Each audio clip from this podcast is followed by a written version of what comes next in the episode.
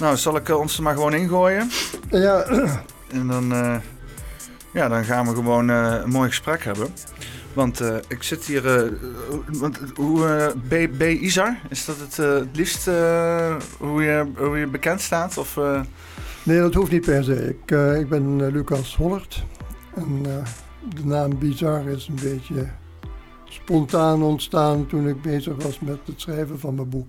Got no got no mind.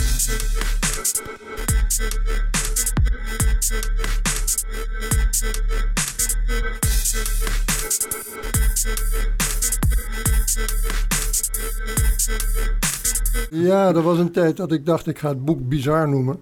Maar er waren een aantal uitgevers die zeiden van dat moet je niet doen, want dat googelt niet. Of dat is geen goede, geen goede, geen goede naam voor een boek. nee. Ehm, nou, daar heb ik over nagedacht. Het is uiteindelijk wat anders geworden. Maar toen dacht ik, ja, die naam Bizar, die wil ik er wel in gooien. Ja. Die wil ik wel hebben. Dus eh, toen heb ik het boek maar laten schrijven door meneer Bizar. B. Izar. Maar dat was niet omdat ik mijn naam wilde verdoezelen, maar ik vond de naam Bizar passender bij het boek dan, eh, dan Lucas Hollert. Want dat zegt weinig mensen wat. Ja, nou ja, ja het, is, het, is wel, het is inderdaad wel, het is sowieso wel leuk, eh, B. Izar, zeg maar. Dus, eh, maar je bent dus inderdaad schrijver van dit boek, Macht van de Onzichtbare Bankiers. Ja. Ehm, ehm, wanneer, wanneer is het begonnen voor jou? Ik ben, denk ik, ruim 40 jaar geleden ehm, wakker geworden, is het, is, is het niet, maar bewust geworden dat het leven niet is zoals het lijkt. Ehm, ik kreeg toen een boek in handen en dat heette None Dare Call It Conspiracy Mhm. van Gary Allen. En Gary Allen die schreef toen al over hoe in Amerika het systeem niet klopt, niet deugt, hoe presidenten uitgezocht worden in plaats van gekozen worden door het volk. En dat boek heeft indruk op me gemaakt. En ik heb die, eh, ehm, die kennis een beetje in mijn achterhoofd meegenomen. Ik heb er nooit iets mee gedaan. Want ja, dan moest brood op de plank. Je bent bezig met andere dingen. Je bent jong en dat is op dat moment eh, past het even niet om daar vreselijk mee bezig te zijn. Ik, denk, ik denk ook dat het heel ver weg staat of zo op een of andere manier. Ja, maar dat is 40 jaar geleden en, en het was heel ver weg. En dit was Amerika. En dan denk je, nou ja, het zal wel. Maar wat het wel heeft gedaan voor me, dat ik heel lang wel bewust ben geweest bij het kranten lezen en naar televisie kijken. Dat er misschien ook nog wel een ander, verhaal, ander stukje verhaal achter is. Dus dat heb ik altijd wel een beetje meegenomen. Dus ehm, ik kreeg pas de gelegenheid om er iets mee te doen toen ik mijn bedrijf verkocht en, en ophield met werken. Hm. En het was niet zo van dat ik dacht, nu ga ik eens even lekker eh, dit doen. Het was meer dat het allemaal weer naar boven kwam. En dat ik dacht van, joh, de zaken om me heen kloppen niet. Het deugt niet wat ik hier om me heen zie. Ja. En dan heb je meer vragen dan antwoorden. En ik had wat meer tijd dan ik voorheen had. Dus ik ben gaan zoeken naar de antwoorden op de vragen die ik had. En dan op een gegeven moment heb je een stapel papier voor je liggen met, met zulke bizarre informatie. Ik dacht, joh, Want hoe kwam je zeg maar aan de informatie? Want het was... Ik, ik, ben je gelijk het internet opgegaan? Of hoe moet ik dat precies zien? eh? eigenlijk wel. Ja. Eigenlijk wel. Het internet is, is natuurlijk, ja, er staat vreselijk veel onzin op het internet. Heel veel bagger. Maar als je andere kanten van een verhaal zoekt, dan vind je ze ook. Ook veelal op internet. Want hoe navigeer jij door de bagger heen, zeg maar? Door zoekwoorden in te zetten die, eh, ehm, die kruisverbanden leggen. Dus als je iets zoekt over, ehm ehm, noem eens wat, eh, verkiezingen, dan kan je alles opduikelen wat verkiezingen met zich meebrengt. En het kan allemaal in orde zijn. Hm. Totdat je het eh, combineert met een zoekgreep van oneerlijke verkiezingen of, of fake verkiezingen. Of, eh, of, of je gooit het woord eliminatie erin. En dan kom je heel gauw op, op websites die ander soort informatie geven. Ja. En dan is het voor mij de zaak om. Ja, lekker glaasje water.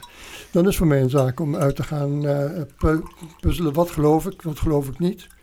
En dat puzzeltje valt vanzelf. Als de, als de puzzel valt, en de, de kruisverbanden bestaan. Mhm. hè, want het is niet één dingetje. Het gaat niet alleen maar om corona. Het gaat over veel meer. Ik noem wat. eh, eventjes een kreet erin. Het zijn allemaal dingen die met elkaar verbonden zijn. Ja, maar dat is voor heel veel mensen is dat al gewoon een, een, een, een, een, iets, een, hard, een moeilijke pil om te slikken op een of andere manier. Ja, ja maar goed, als je dus corona en, en, ehm, eh, en klimaat in Google, dan krijg je ook allemaal gekke dingen binnenwaaien die, eh, die, die, die op de, toch een van de kruisverbanden legt. Toch weer met elkaar verbonden zijn, ja. Dus dan krijg je de, de, de EU en dan krijg je. ehm, ehm, ja, Google maar eens naar, naar, naar Nexit of zo. En dan krijg je natuurlijk allemaal op- opinies van mensen die ervoor en er tegen zijn. Maar op die manier werk ik dan door zo'n ding heen en dan komt er van alles bovendrijven. En niet alleen het internet, maar op een gegeven moment begin je ook te ontdekken dat ik niet de eerste en de enige was die een boek wilde schrijven over dit onderwerp. Want Nee. er zijn natuurlijk heel veel meer mensen die het gedaan hebben. ja. En dan ga je ook op die manier eh, je verdiepen in wat andere mensen er al over geschreven hebben. Niet zoveel in Nederland lijkt mij, of valt het dan, eh, valt het dan mee? Ehm,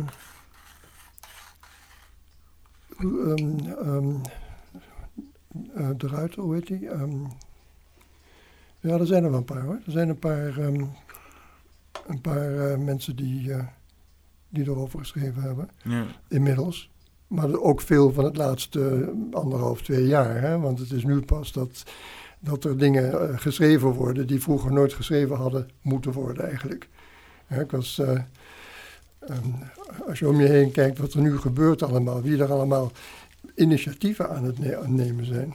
eh, met alle respect voor bijvoorbeeld de andere krant en een gezond verstand. Mhm. Die dingen die hadden eigenlijk nooit begonnen moeten zijn. Want? Want er had geen reden voor moeten zijn. Maar die zijn ontstaan nu, in de Ja, afgelopen eh, twee jaar, tot stand gekomen. Omdat we in zo'n idiote wereld leven. ja, ja uit, eh, uit gebrek aan beter, zeg maar. gebrek aan normale, goede informatie en, en ja, dan, eh, dan ontstaan deze dingen. Maar het is eigenlijk dat nooit, dat nooit zover mogen komen. Nee. Ik ben blij dat ze er zijn. Want je moet ergens informatie kwijt en ook vandaan halen. En, maar ja, mijn, mijn punt is ook een beetje... De wereld is nog veel te klein. Veel te weinig mensen die snappen, die snappen wat er gebeurt, wat er aan de hand is. En ik, eh, ik hou lezingen zo af en toe en dan sta ik voor een zaal waarvan ik denk I'm preaching to the converted. Hè, voor eigen parochie praten. Want, want ehm, mensen komen, nummer één omdat ze het bevestigd voelen, willen, willen weten dat, dat zij, wat ze denken dat het bevestigd wordt. Maar ook natuurlijk om meer informatie te vergaren, zodat ze zich beter kunnen verweren in vervelende gesprekken met vrienden, familie, weet ik wat Ja. om, om informatie te hebben, dat. Maar eigenlijk zouden we op de een of andere manier veel meer mensen moeten bereiken die helemaal niet ermee bezig zijn. Hm. Ja, want die denken echt dat de wereld is zoals die eruit ziet. Nou ja, ik, ik zou wel eens wel vertellen. En natuurlijk, politiek is, is, is natuurlijk een groot schouwspel. Maar eh, eh, ik heb altijd het idee dat er soms wel eens sprankjes van menselijkheid staan. Of mensen die dan eh, even, even toch eh, eh, eh, bepaalde dingen aantikken. Vooral dat nu met FVD en zo. Dan hoor ik sowieso wel onderwerpen terug. Dat ik denk van nou, hè, dan druk je wel de vinger op de zere plek. Maar er was dus laatst een debat met Gideon Vermeijeren. En er kwam dus, eh, eh, ging ook over die CBDC. eh, waarbij hij gewoon aangaf van ja, dat is gewoon een, een nieuw controlemiddel. Of nee, dat ging over ehm, de rechtsstaat. En dat dus in de rechtsstaat hier gefaald heeft. En dat, dus, ja, dat er eigenlijk vrij weinig rechtspraak hier is. En dat het allemaal gemanipuleerd is. En in de handen van machten daarboven.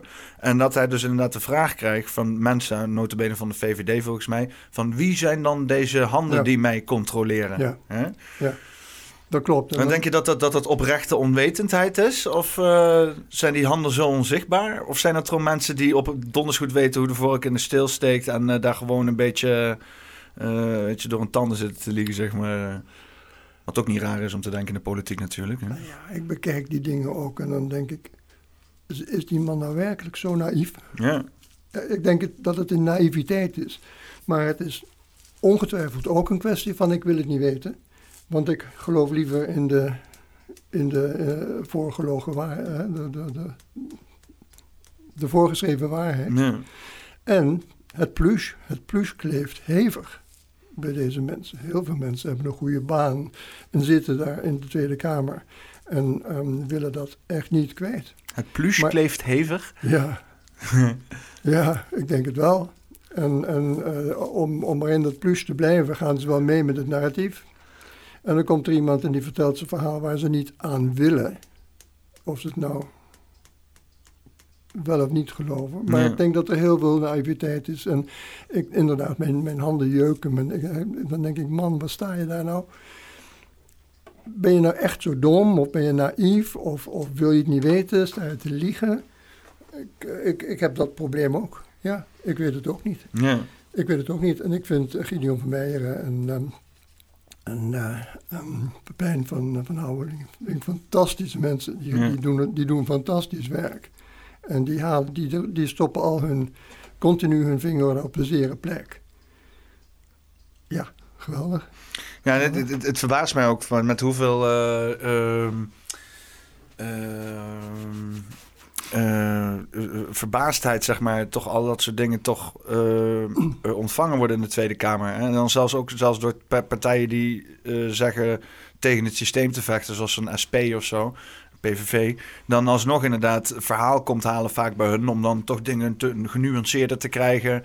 Laatst hoorde ik ook deze, dat ze zeggen van... waarom moet u nou, was het door jij in de 20 zelfs nog... waarom moet je nou deze taal gebruiken?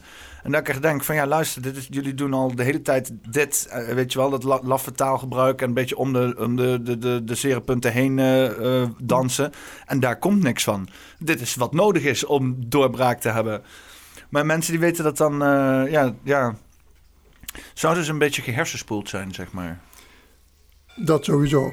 Maar dat zijn we bijna allemaal. Ja, Vanaf dag één, als we naar school gaan, ehm, krijgen we de hersenspoelmachine aan de gang. En door het hele schoolperiode heen ehm, wordt ons verteld wat zij vinden dat wij moeten denken. ja. En na de schooltijd ehm, word je jong volwassene en dan ga je kranten lezen en naar de televisie kijken. En dan ga je naar films en dan ga je naar weet ik wat. En, en het is allemaal geprogrammeerd ja. om jou te doen denken wat zij willen dat je denkt. En daar blijf je heel lang in steken. En dat is, dat is de voorbode van de rest. Want na, na, het, na het brainwashen van mensen van jongens, dit is wat, wat we moeten denken, dit is, dit is narratief. Het is voor de voorgeschreven werkelijkheid waar we allemaal hard in geloven. ja. Dus die Tweede Kamer zit vol met mensen die in die voorgeschreven werkelijkheid geloven. Dat weet ik zeker, ja. Ja. En natuurlijk geïndoctrineerd, want we weten allemaal van het, het klasje van Young Global Leaders van het eh, World Economic Forum. Klaus Schwab. Die mensen die worden volledig gebrainwashed. En ik denk onze Rutte ook. Ook, Die eh, is- ja, die is, die, is, die is natuurlijk... Waar komt hij eigenlijk vandaan? Hij is, hij, hij, is, komt ook, hij is ook een young global leader, toch? Of, eh, Absoluut. Absoluut. Ja. Ja, want die is ook gewoon eh, toen met dat hele eh, Pim Fortuyn gebeuren... eh, wat toen daarna gebeurde. En toen kreeg je Rita Verdonk en zo. En die is toen, want die had heel veel stemmen... En die is toen aan de kant gezet en hebben ze toen Rutte voor neergezet. Dus die is ook gewoon daar eigenlijk onterecht ja. terechtgekomen. Rita Verdonk en Rutte, die hebben op een gegeven moment allebei gestreden voor partijvoorzitterschap. En eh, Rita Verdonk had 70.000 stemmen meer dan Rutte. Ja. Desalniettemin werd ze via de achterdeur eruit geloodst. Wegwezen jij. Hm. En wat voor soort afspraken ze hebben gemaakt, weet ik niet. Want ik ken Rita niet als iemand die zich aan de kant laat zetten. Maar er is toen wel iets gebeurd. Ja. Want zij had zonder enige twijfel een hele andere eh, koers gevaren. Dat was niet de koers die het gezelschap, wat het allemaal achter de schermen aanstuurt, wilde dat we gingen varen. Ja. Rutte moest het doen. Niet voor niks dat Rutte het vervolgens ook tien jaar lang, elke keer weer, heeft mogen en kunnen verlengen. Dat is niet omdat wij dat stemmen, dat is omdat dat zo gepland is. Hm. Deze man doet netjes wat er van hem gevraagd wordt. Corrupt als de pest. Doet gewoon, voert het programma uit wat hij in Davos krijgt. En ook in Nederland wordt er, hè, referenda mag niet meer. Nee. Dus is van de baan. Ja. Maar als wij zeggen van dat willen we niet, we willen een andere kant op. Dan stapt hij met zijn koffertje naar de EU en dan zegt hij van ja, maar mijn mensen willen dat niet. En dan zegt de EU, ga maar terug, ga het ze maar vertellen, Ja. leg het maar uit. Ja. En dan gaat hij dat doen. Ik bedoel, zo is het. Dus wie is hier gebrainwashed? Behoorlijk, denk ik. Helemaal in het eh, schuitje van, eh, van de... Ja, het is op een of andere manier, eh, mochten, ze, mochten ze nog enige vorm van eh, integriteit hebben, dat ze zichzelf wijsmaken dat eh, die belangen die ze nastreven van de EU, kosten wat het kost, moeten geïmplementeerd worden. En dan een soort neerbuigendheid richting mensen die denken dat het anders kan, ook, of, of dat het anders moet, weet je wel. Maar eh, Ze je, zijn, je ziet het aan alle kanten. ze zijn Ook op- volledig vergeten dat zij in dienst staan van ons ja, en niet andersom. ja. Ze hebben volledig de zaak omgedraaid en eh, zij bepalen wat wij moeten doen en denken. En als je niet meedenkt in hun richting, dan wordt niet naar je geluisterd. En denk je dat dit dan zo de afgelopen decennia zo is gegroeid... of dat het echt structureel zo eh, in stand wordt gehouden? Die agenda bestaat al heel lang. En ik denk dat op een gegeven moment er een tijd komt in die agenda dat het gaat dringen, dat er actie genomen moet worden om, die, om het einddoel te halen. Hm. En eh, die agenda eh, die dan bekend staat onder agenda 2030, ja, die, die gaat nu spelen. Dus in de laatste jaren zijn dingen geaccelereerd. Ik denk dat je tien jaar geleden nog een krant kon lezen en nog redelijk ervan uit mocht gaan dat ze, wat ze vertellen wel een beetje klopt. Ja. Maar nu kan je dat helemaal niet meer. Nee. De, de kranten, de media, niet alleen kranten, de media is volledig, volledig eh one-sided. Dit moet er gebeuren, die kant moeten we op, dit is wat de mensen moeten denken en dat gaan we schrijven. Hm. En dat is de laatste twee, drie jaar erg versneld. Denk ik dat zeker. Ja. Dat is sinds corona. Ja.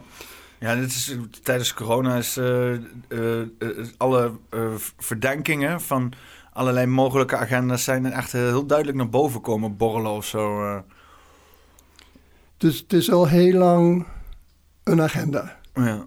Het speelt al ontzettend lang. Want ze zijn er al 250 jaar, nou ve- veel langer. Ehm, denk, je kan teruggaan naar de tijd van Babylon als je dat gaat volgen. Maar dat, dat is, heb ik niet bestudeerd of heb ik niet geoefend of ben ik niet mee bezig geweest. Maar ehm, eh, mijn boek, De Macht van Onzichtbare Bankiers, pakt de laatste 250 jaar erbij. Want dat is eigenlijk het moment dat bankiers er kwamen en dat er bankiers zich ergens overal mee gingen bemoeien. En ehm, de laatste 250 jaar is- zijn dingen in een vers- versnelling gekomen. Hmm. En nu zijn we in de laatste 10 jaar, zeg maar, terechtgekomen. Dus dat moet, dat moet nu uitgevoerd gaan worden. Zijn die, die banken, eh, zijn die een beetje verst- eh, ontstaan in zo'n eh Venetiaans Amsterdams verbond, zeg maar? Want dat hoor je ook wel eens, is dat, dat, dat daar zeg maar een soort van verbond was. Want natuurlijk ook als je terugleidt naar de VOC-tijdperk en hoe kapitalisme tot stand is gekomen met eh, de corporaties en zo, dan kom je daar ook eh, daaruit. En, en bankiers en zo, die bankiersfamilies, die kwamen ook allemaal uit Venetië. Ja, Is dat ook iets waar je op bent gestuurd? Of, eh? ja dat klopt wel. Ehm, ehm, maar eigenlijk daarvoor al, dat waren, dat waren meer de... ehm, de ah, sorry, ex- excuses.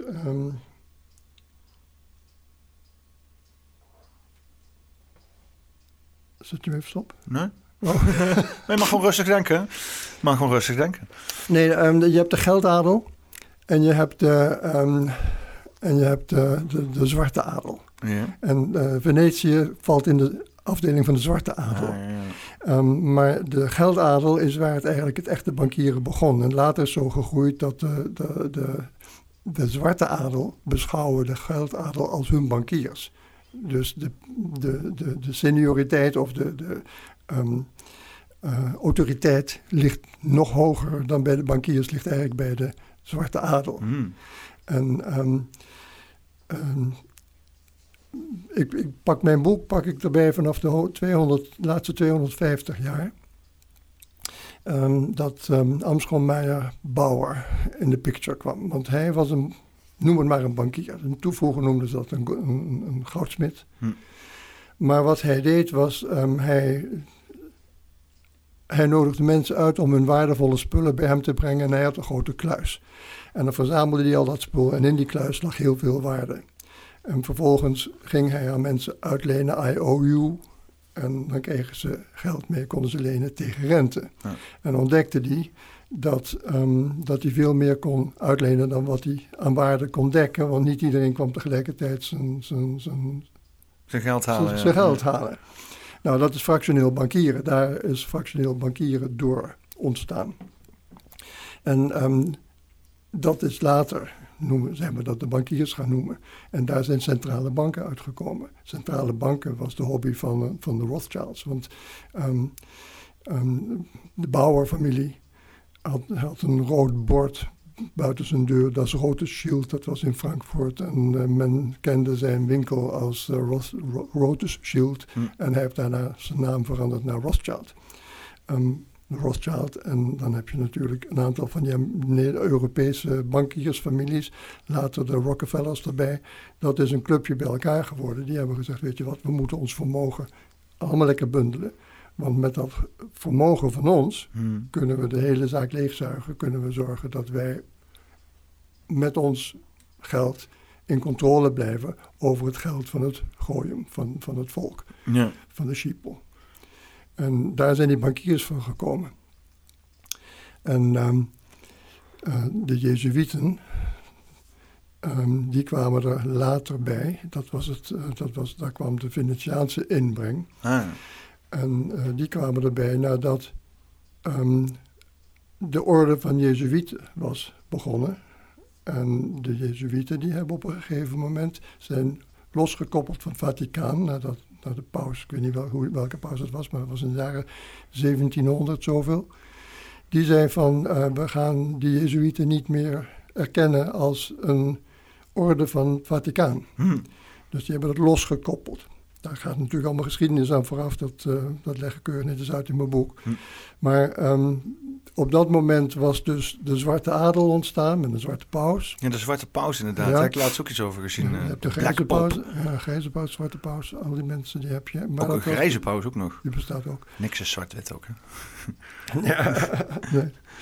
nee. maar wat daar dus gebeurde is dat deze mensen die gingen hun eigen um, wereld scheppen. En die hadden ook veel vermogen. En die zijn op een gegeven moment eigenlijk in, in hiërarchie boven de geldadel komen te staan. Hm. En die refereren naar een Rothschild als hun, hun privébankier. Hm, ja, ja. Bankklerk eigenlijk, bankklerk. Dat is wat de naam die ze dan gebruiken. Dus um, daar, de, de Rothschilds die staan ook gewoon in dienst van. ja, precies. Heel veel mensen die hebben zoiets dat dat, dat, dat de eindbazen zijn die de wereld uh, runnen. Nee. Maar dat is eigenlijk dat is wel een beetje die eigenschap van die piramide. Hè? Het licht schijnt alleen maar naar beneden. En omhoog kijken is op een of andere manier heel erg moeilijk. En verblindend ook. Je, je, kan maar echt, we zitten zo vast in die voet van die piramide. En we kennen maar echt iets van twee laagjes of zo echt omhoog kijken. Voordat uh, het verdwijnt in instituten en private rekeningen. En... Dat klopt helemaal. Er is, een, uh, er is een horizon waar wij mee te maken hebben. En de horizon die houdt op bij de laag van zeg maar, de banken waar um, um, Wall Street en S&P 500, dat soort, uh, um, daar, daar, daar, kunnen mensen nog hun geld kwijt in banken investeren en dat soort dingen. Maar wat daarboven gebeurt, is één groot spinnenweb van, uh, van financiële transacties. Um, waar geen producten gemaakt worden, waar geen diensten geleverd worden naar de mensen toe. Dat is puur en alleen een, een een verzameling van mensen die daar in World Bank bankieren en in, in een aantal um, NGO's, niet-governementele organisaties, en een aantal denktanks uh, en een aantal financiële instellingen eromheen hun eigen belangen dienen. Hm. En dat is allemaal gebaseerd op het feit van wij moeten het geld omhoog zuigen, vermogen omhoog zuigen, naar ons toe. Hm.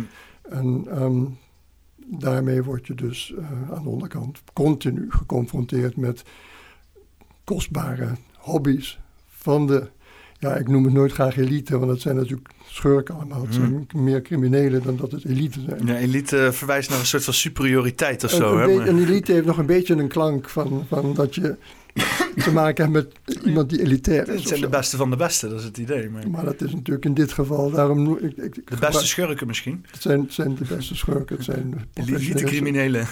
Nee, absoluut. Ja. Dus eh, dat, dat is, ja, dat, dat gebeurt daar. Dat is wat er aan de hand is. maar is die piramide erbij pakken van, eh, uit jouw boek? Ja, graag. Leuk. Eens even kijken. We hebben hier inderdaad de piramide. Even, zo even uitzoomen zo. Voor de mensen die luisteren. Eh, het is een eh, 1, 2, 3, 4, 5, 6, 7, 8, 9. Tienlagige p- piramide. De negenlagige met een, met een tien top erop. Met een... eh, een eh, dit is een Ja, soort daar van de, de zwarte paus. Eh, zit, ja. En wat je daar ziet is de, onze witte paus, in feite. Deze. Ja. Ja. die een zwarte, ik, weet, ik weet niet hoe je het noemt, een zwarte rok of een zwarte dingen aan heeft. Gewaad, En ja. normaal gesproken hebben pausen witte dingen aan hè? Ja. en geen zwarte. Dus de Jezuïeten daarentegen hebben zwarte kleding aan. Dus hier heb je een paus die een Jezuïet is en dat is heel contradictie, want eh, ik zei net, de Jezuïeten waren losgekoppeld van het Vaticaan, die hadden niks meer met het Vaticaan te maken, die Hmm. werden, werden eh, door het Vaticaan aan de kant gezet. En toch hebben we vandaag een paus die Jezuïet is. ja. En dat komt omdat er een strijd is geweest nadat die um, Jezuïeten door de paus in 1700 zoveel uit het Vaticaan werden gezet, hebben ze gezegd, oké, dat pikken we niet. We gaan lekker eh, zorgen dat we er uiteindelijk infiltreren. En nu, Is dat nu recentelijk rechtgezet? Met ja, dus want de laatste, overname? paus, de laatste paus, de paus die we nu hebben, is de eerste paus die daar zit, die dus Jezuïet is. Ja, maar hij is ook daar gekomen omdat want normaal gaat een paus dood en dan komt de volgende. Maar deze paus eh, daarvoor, die, had, eh, die, die is houden gegaan. Ja, Die is gewoon halverwege heeft hij gezegd van eh, oké, nou dan is goed. En in Ja. één keer heb je een Jezuïte paus op de plek terugzitten. ja. Krijgen we een mooie film ervan van de Two Popes. Alsof ze een hele uitgebreide conversatie Ja. hebben gehad over hoe dat zou gegaan zijn. Ja. Maar eh, dat Dat- is, dat waarschijnlijk is hij, gewoon, is hij er gewoon uitgeschopt door een Jezuïet. Ongetwijfeld zit daar meer achter dan wat wij weten. Wat Ja. precies weet ik ook niet hoor, maar dat, zo werkt dat wel. Ja, maar dat- wat natuurlijk ook heel vreemd is, is die hele ontvangsthal van de paus. Die, eh, hè, die, eh, die, die gebouwd is door tempeliers. En als je daar van achteraan binnenkomt, dan kijk je tegen een soort van slangenbek aan dat of is griezelig. Ja, de aula, of weet ik hoe dat heet. Het ding heeft een naam, de aula van, van weet ik wat. Dat ding staat naast het Vaticaan. Ja. Is gigantisch. Heel ding- erg groot. Het ding is gebouwd in de jaren 80 of zo, of 70. Ehm, ja, dat is vrij recent. Ja, maar het, het- het- het lijkt dat dan alsof zeg maar, deze beweging, deze soort van eh, religieuze koep, laten we het maar zeggen, Ja. eh, eh, al, al decennia's in de maak is. Ja. Nou ja, de- die aula waar we het over hebben, die ziet eruit als een slangenkop. Ja. En als je aan de binnenkant zit, dan heb je de ramen ook twee ogen van als, alsof, het, alsof je in de slangenkop zit. En ehm, het podium is zo ver weg en zo klein, maar het is zo groot en zo gigantisch. Dat je bijna de mensen die daar dan staan of zitten ehm, niet of nauwelijks kunt zien. Nee. Maar heel griezelig en het heeft weinig met eh, katholicisme te maken hoor. Het is eh, puur satanisch wat daar, wat daar Ja, want, want, want dat hele ding achter de paus, dat werk, dat is ook een soort van alsof er allemaal Ja. demonen uit de hel oprijzen, zeg maar. En dat is dan Ja. een leuk gezellig kunstwerkje achter de paus of zo. Ja. ja, heel vreemd. En het is gewoon in het zicht allemaal. Hoeveel mensen zijn er dan bij betrokken? Alles is in het zicht. Ja. Dus alles wat er gebeurt is in het zicht. Ze doen het allemaal stuk voor stuk om later te kunnen zeggen van we hebben je gewaarschuwd. Je had het kunnen weten. ja. Want ja, want eh, ik bedoel, er is niemand die mij een stroopwit in de weg ligt om te vertellen wat ik denk dat ik weet. ja. En ehm, dat is niet alleen ik, maar ik bedoel David Icke, die hebben ze ook niet gepakt of zo. Nou, ze, ze hebben hem alleen de toegang geweigerd Ja, dat tot... wel. eh, maar goed, ze hadden, hem- ze hadden David Icke natuurlijk al lang kunnen opruimen als ze dat hadden gewild. Ja. En zo zijn er veel meer dingen. Ik bedoel, ehm, de Guidestones, de Georgia Guidestones, die hebben al sinds 19, weet ik het, eh 79 geloof ik, hebben die verteld dat er het doel is om, om de wereldbevolking terug te brengen naar 500 miljoen mensen. en Dus ze vertellen het ons allemaal in open sight. Maar de mensen kijken ernaar, oh, het zal wel. En dan vervolgens wordt het... eh, Ja, want die Georgia Guidestones, dus de meeste mensen is dat volledig ontgaan. Maar die dingen zijn nog gesloopt de laatste tijd, hè? De af, af, wat is het, uh, twee, drie maanden geleden of zo? Ja, ze, met, door, een, eh, op, door, een, eh, door een bom, door een ontploffing zijn ze Ja, gesloopt. En vervolgens zijn ze maar gewoon neergehaald door een graafmachine. Die heeft ze maar gewoon weggehaald. ja nou is ook ja, heel ik vreemd. heb, ik heb me wel eens afgevraagd. Die dingen die hebben daar weet ik hoeveel jaar gestaan.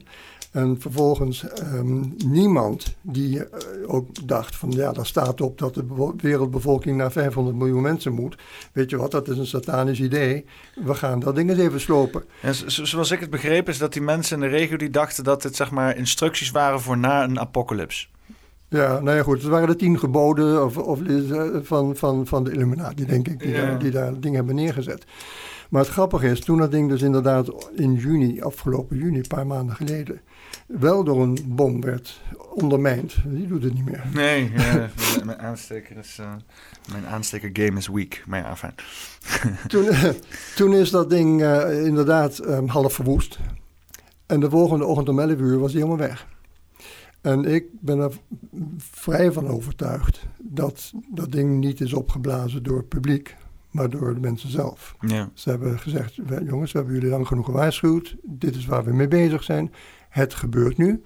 Je kan het zien. We hebben op dit moment eh, met, de, met de vaccinaties ehm, een proces aan de gang waar- waardoor er heel veel mensen sterven. Pure, pure moord, genocide, gebeurt op dit moment. Dus ze zijn het aan het uitvoeren.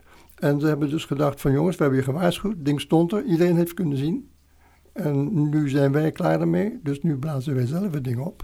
Boom. En de volgende ochtend om 11 uur kwam er een grote dragline van Caterpillar. Ja. Een van hun vele bedrijven die ze bezitten. En vervolgens wordt dat hele spul in een kwestie van een uur voor de lunch was hij weg. Ja. Ja, ja, echt hè. Ja. Het even opgeruimd. Nieuwszenders stonden erbij. Ik, Ja. verge- ik vergelijk dat wel eens met 9-11. Dat was ook een kwestie van jongens, ehm boom, klaar.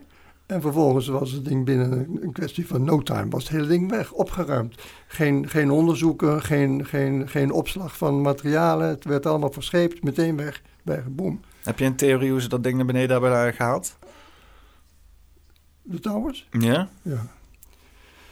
Met eh, nucleaire explosie onder in de kelder. Hm. 53 meter diep. Ingegraven voordat ze dingen überhaupt hebben gebouwd. Ja, dat, dat, er zit een self-destruct button zat op dat ding, hè? Eh, voor het geval dat de communisten binnenkwamen vallen of iets dergelijks. En dan konden ze de alle ge- gevaarlijke bezigheden die daar gaande zijn Ja, in één keer... eh, er is ook een lezing dat ehm, een aantal ehm, overheden, municipaliteiten in Amerika, die hebben gezegd: als je zo'n toren neerzet, dan moet je ook een plan hebben om het ding te kunnen opruimen. Dus ehm, als er ooit een kwestie is van het ding is oud en moet weg, niet dat zo'n ding dan blijft staan. Dus hoe ga je het ding dan weer weghalen? Nou, ga twee van die torens maar eens weghalen op een normale sloopmanier. Dat lukt niet. nee. Dus door implosie, dat je kan je zo'n ding regelrecht naar beneden laten vallen. En ze hebben uitgerekend dat met deze eh, 53 meter ging het om onder de grond een nucleair device te implanteren, Hm. konden ze dat ding verpulveren, verstoffen. En alleen maar de bovenste 10 etages of zo waren nog intact, de rest was allemaal verstoft. Ja.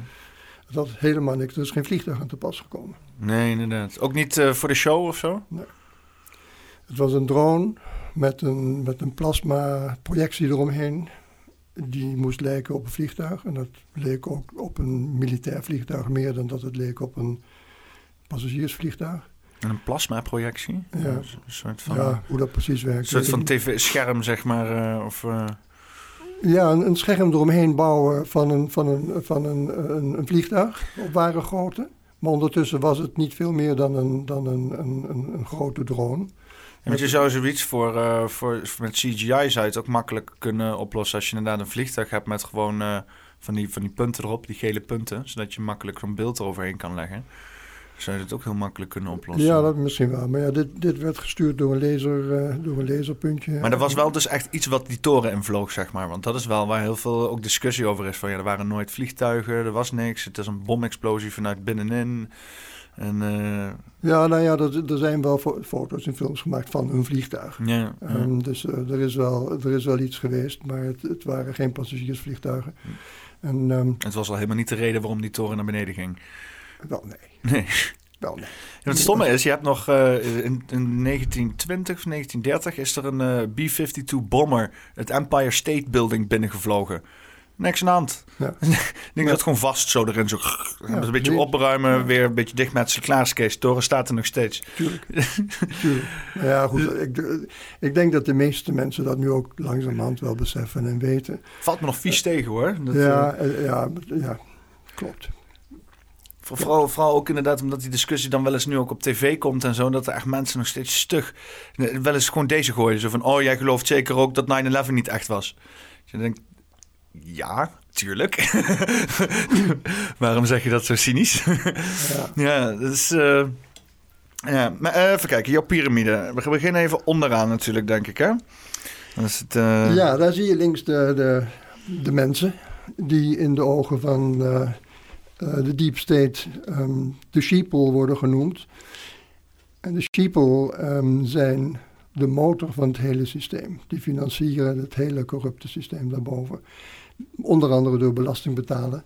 En ehm, daarnaast heb je dan eh, de useless eaters. Dat zijn heel veel mensen. Er zijn meer mensen wereldwijd die geen belasting betalen, omdat ze in derde wereldlanden wonen. Ehm, denk aan India, Afrika, mensen met een traditioneel bestaan, met een huisje en een geit en een paar maiskolven, die betalen geen belasting. nee.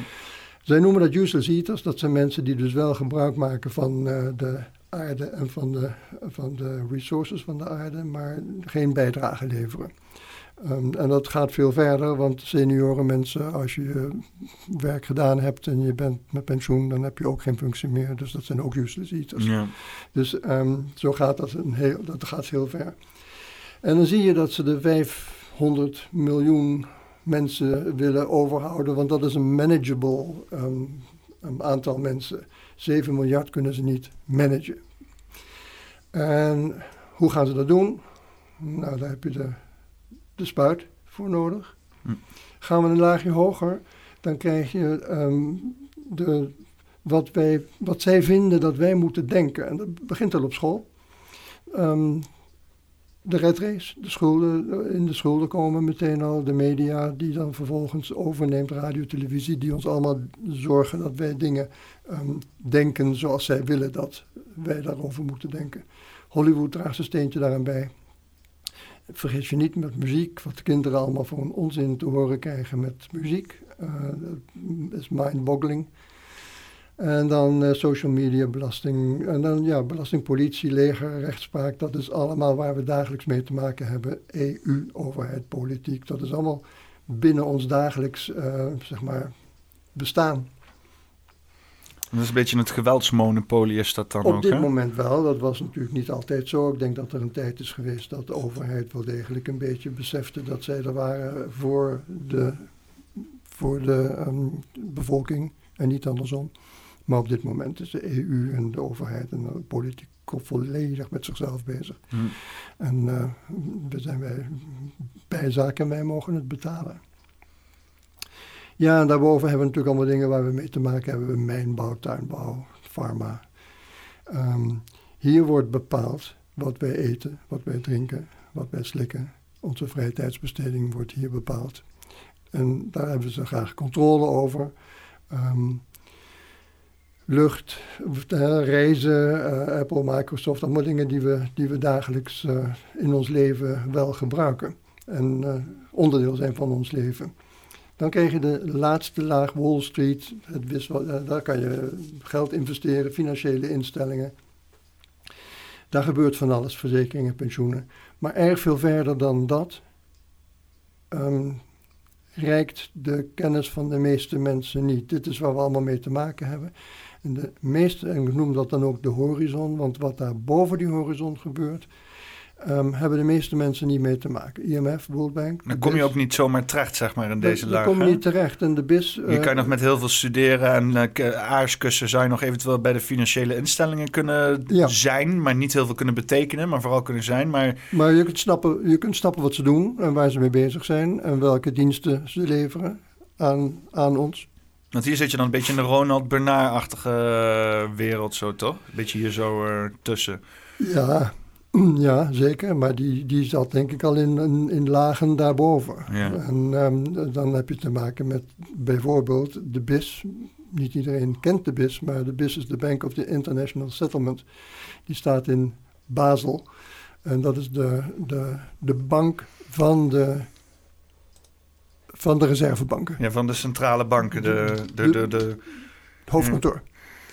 En daar wordt wereldwijd bepaald dat de reservebanken ehm, doen. En in die BIS gebeurt helemaal niks wat wij weten. Eh, We zullen even een, een grap maken, want eh, eh, de, de CEO van de Bestbank, Ja, dat is de ja, belichaming ja, van inflatie, hè? Dat Ja, vreselijk een man. Hè? Dus als je wil weten waar al je geld heen gaat, nou hier, kijk, het barst Ja. bijna uit zijn ja, pak gewoon. Ja, ja, ja. Oh, wat een griezelige vent. En eh, dus inderdaad, en die Bestbank, dat is dus eh, een, eh, een, ja, een echt ook gewoon een, een, een, echt een toren van Basel. Van, toren, ja, wordt ook vaak naar verwezen als de toren van, van Babel, streepje Basel.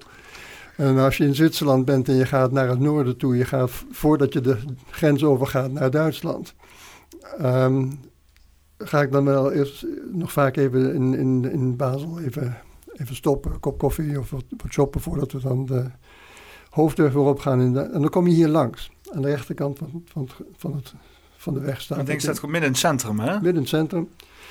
Maar je komt er niet in. Er Nee. staan mannen met geweren voor de deur en het hebben daar hun eigen leger, hun eigen... Ja, want soeverein grondgebied en zo, hè? Klopt. Bovenop het feit dat Zwitserland al relatief soeverein is ten opzichte van ons allemaal, is in, in Zwitserland zelf nog soevereiner gebied en daar staat die toren op. Klopt, Ja, klopt. En niemand heeft daar iets over te vertellen. Ja. Niemand. Dus de, de EU heeft daar geen inzicht in wat daar gebeurt. De Zwitserse regering heeft daar geen inzicht in. Dat is puur een, een speeldomein van de bankiers ja. die daar bepalen wat er gaat gebeuren.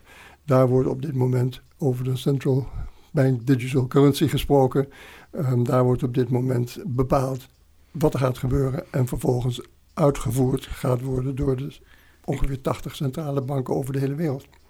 Ik heb die, ik heb die eh, CEO, eh, heb ik volgens mij ook inderdaad iets over de CBDC horen zeggen. En dat is ook inderdaad was niks, eh, niks geruststellend, zeg maar. Het is allemaal inderdaad in het thema van, oh, zo kunnen we meer controle uitoefenen en, eh, en eh, financiële corruptie tegen. Hier, kijk. Hier. Dit is wel. ik zet hem even hier neer zo. All our analysis on Oh ja, je, je hoort hem, je hoort, je hoort hem niet. Hè? maar- in particular for the use of general to the general het via de- use, Oh, oké. uh, we tend to establish the equivalence with cash, Uh, and there is a huge difference there. Uh, for example, in cash, uh, we don't know, for example, who's using a $100 bill today. We don't know who is using a 1,000 peso bill today. Uh, a key difference in, with the CBDC is that central bank will have absolute control on the rules and regulations that will determine the use of that uh, expression of central bank liability. And also, we will have the technology to enforce that.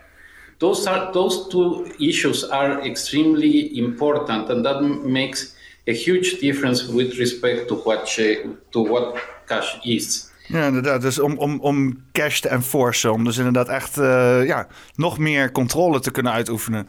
Absolute control, zegt hij. Ja. Daar heeft hij het over. En, en eh, we have got the technology. Ehm, ze hebben de, de, de kennis, de technologie, ze hebben de dat en zij bepalen eh, dat zij die controle willen hebben. En dat is wat er, dat, dat, dat, dat, dat gebeurt. Ja, ja, het is al heel lang gaande. Alleen het is nu gewoon.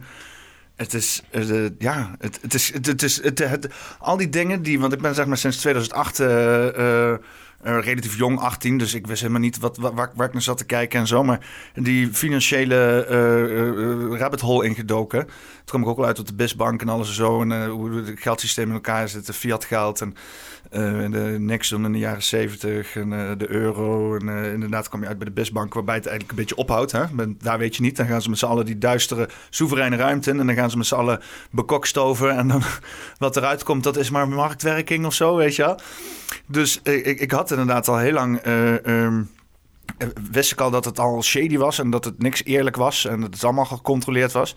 Alleen nu, ehm, je ziet het allemaal in werking. Je ziet al die dingen in werking. Je hoort inderdaad die BISbank nu in één keer naar buiten komen. Je hoort al die eh, te- teksten terugkomen in de WEF. En in de WEF is letterlijk gewoon een belichaming van al die organisaties die eerst allemaal complotten waren. Zoals de Club of Rome en de Trilateral Commission en al dat soort zaken. Het, het, alle complotten van de afgelopen twintig jaar worden voor onze ogen uitgespeeld op een of andere manier. En nog steeds ben jij een complotdenker. ja, toch? Ja, maar dat, dat, is, en dat is ook zeker waar. ja, nou ja. Waarom ben jij geen complotdenker? Dat is mijn vraag dan altijd. Ja, ben je blind of zo? Ja. Ja, eh, het is zo. En, en, en we zien het nu toch ook met Maxima. Want ik zeg geen koningin Maxima, want het is mijn koningin niet. Maar ehm, Maxima die eh, het er ook over heeft. Waarom? Omdat zij functie heeft bij de World Bank. En ehm, daar wordt allang bepaald en gezegd, zo gaat het gebeuren. En dat is dan en dan. Ze weten wanneer het gaat gebeuren. Alleen wij moeten het nog een beetje voorgekookt worden. ja. Dus er moet nog een beetje eh, poppenkast over ge- ge- gevierd worden in de Tweede Kamer. Poppenkast. Goed zo. in de Tweede Kamer. En we moeten dan allemaal net doen alsof het goedgekeurd is. En alsof het een, eh, een, een, een ding is waar we Ja. allemaal mee eens zijn dat het gaat gebeuren. Ja, heel natuurlijk. Heel organisch allemaal. Ja, het komt zo. allemaal heel vanzelf. Zo, zo komt dat. Zo Ja. komt dat.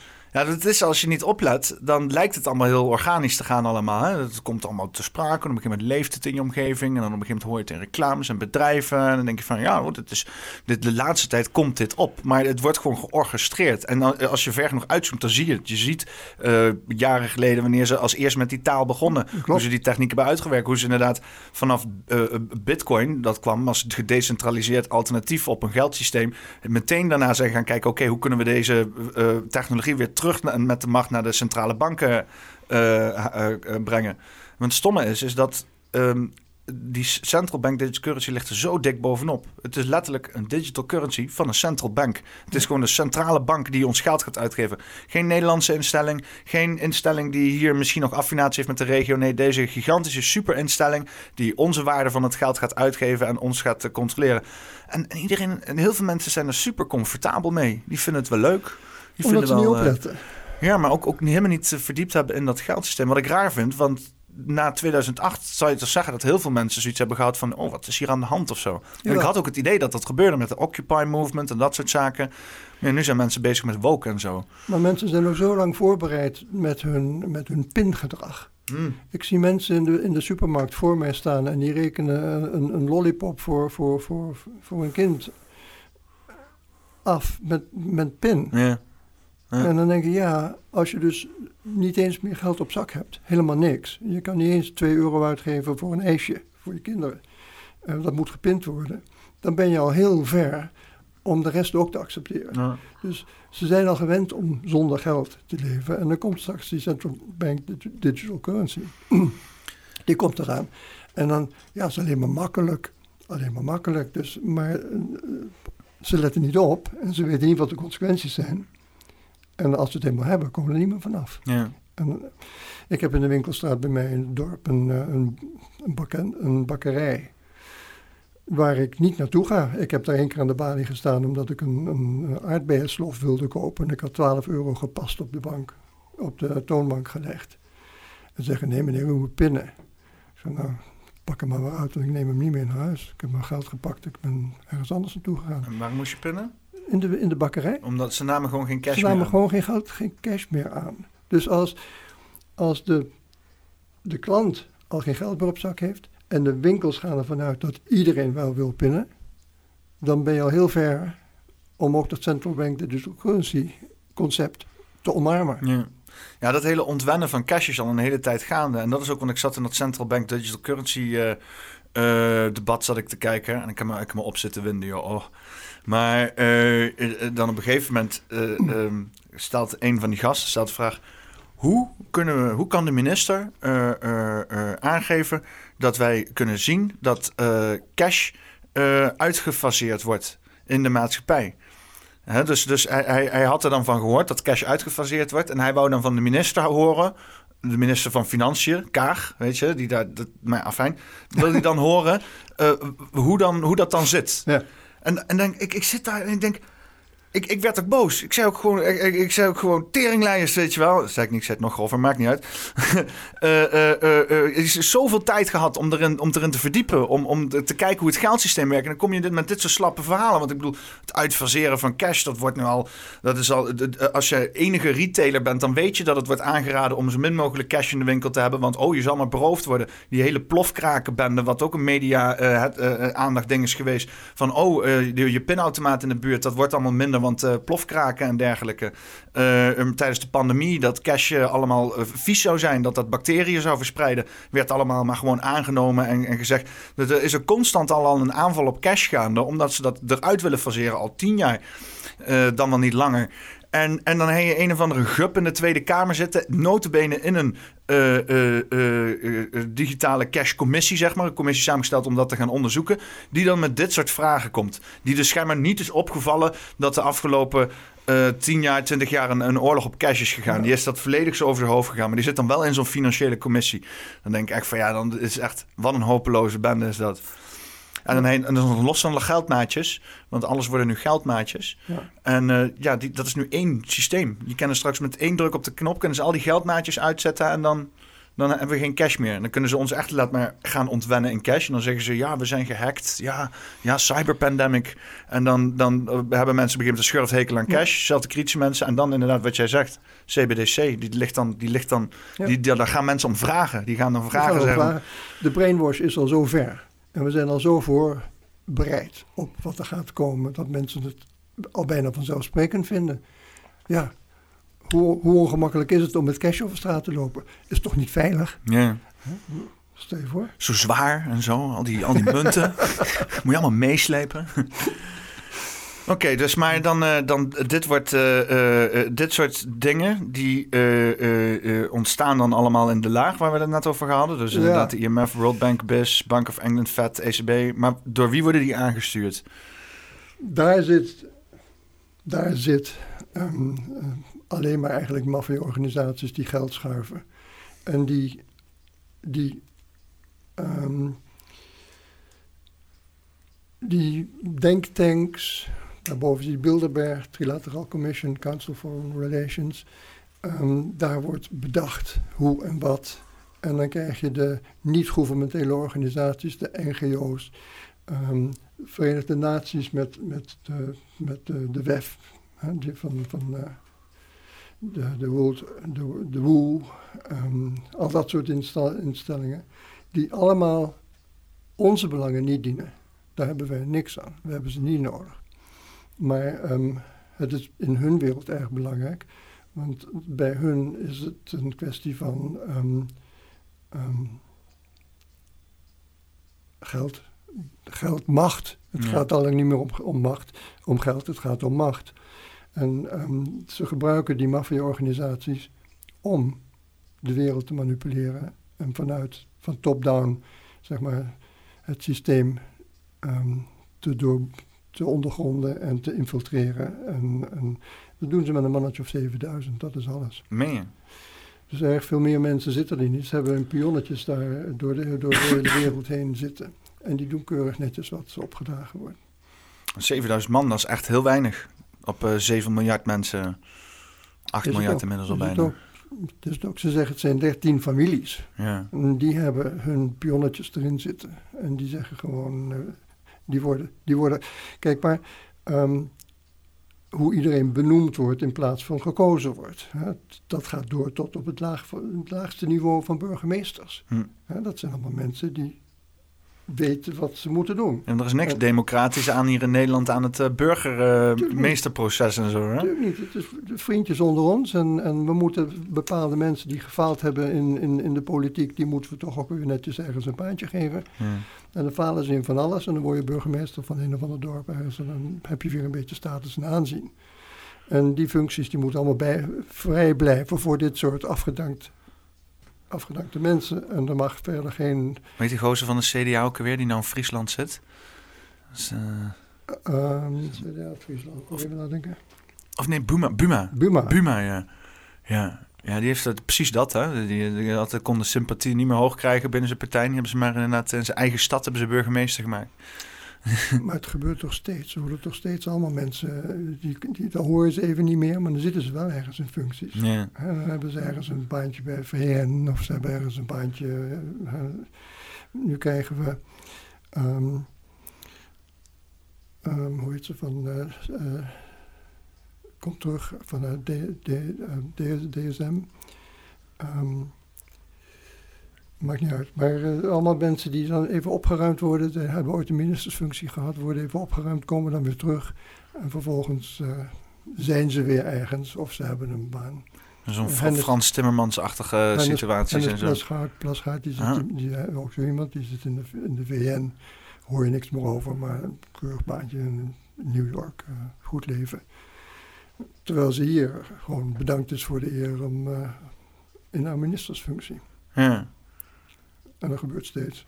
Ja, ja, maar als je ziet ook wat eh, dat hele kabinet Rutte, dat is, dat is, dat is een, eh, een, een, een, een, eh, een, een versnipperaar van politici zo ondertussen, weet je. Dus ze gooien daar gewoon bakken met, met, met mensen in en die, die komen er aan de achterkant net zo hard weer twee keer zo snel uitgevlogen, zo. Ook nu weer, je ziet de hele tijd hoe er gehusteld wordt en het is ook lastig om bij te houden gewoon, wie er allemaal rondlopen. En denk, ik, wie, wie is dit dan alweer, weet je wel? Moet je helemaal verdiepen in zo'n gozer. En tegen de tijd dat je eruit hebt gewerkt dat het eh, één grote bak lopende corruptie is, dan wordt hij er alweer uitgesmeten. Ja, dat klopt. Dat klopt. En je noemde net Frans Timmermans. Dat is inderdaad ook zo'n zo'n verhaal. Wat een figuur is dat. Die kan toch ook niet geloven. Die kan toch niet in zichzelf geloven, zou je denken. hè? Nee, ja. Ja, ja dat hij zichzelf, dat hij, eh, dat hij dan s'avonds thuis komt en zichzelf in de spiegel aankijkt en dat hij denkt, nou hij weer goed gefixt Frans. Iedereen gelooft weer in al je gelul. Kabouter. en dan kan hij dan in drie talen, vier talen, dat wel, hè? Dat is wel... eh, Daarom, dat, is, dat maakt het juist zo gek. Het is geen domme man. Nee. Want als je, want hij praat- ik geloof dat hij veel meer talen dan vier spreekt. Is het ook nog. Ja, ja. ja, dat is een, eh, maar, ja. Maar ja, dan toch. En dan toch zo dom lopen meekwebbelen daar over klimaat. Ja, hopeloos. Ik vraag, ik, vraag, ik vraag me altijd af wat zo'n eh, Frans Timmermans zeg maar, doet als hij niet politiek aan het uitvoeren is. Zeg maar, dat, ik, ik heb altijd het idee, zelfs dat je een kutbaantje hebt, dat je dan eh, aan het compenseren daarnaast bent voor, voor dat kutbaantje. Hè? Dus dan ga je daarna extra op vakantie of je eh, eet extra lekker of geld spenderen aan weet ik veel wat voor dingen.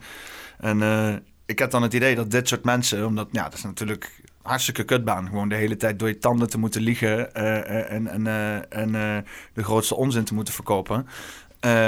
Kosten wat het kost. Aan de mensen die je ook nog eens een keer betalen. Dat is dan het leukste. Dus dat is echt, ja, dat is gewoon.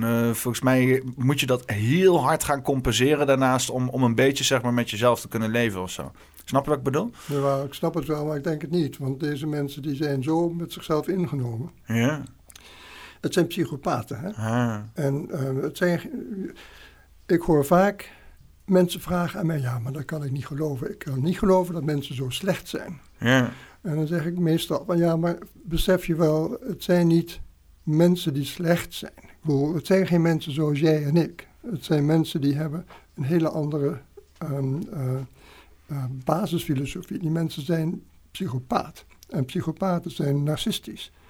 En als je narcistisch bent en als je psychopaat bent, dan heb je geen, dan heb je geen geweten. Mm. Dan zit je er niet mee. Dan kan je heel goed slapen s'nachts, want je hebt gewoon bewezen dat je beter bent dan de meeste mensen.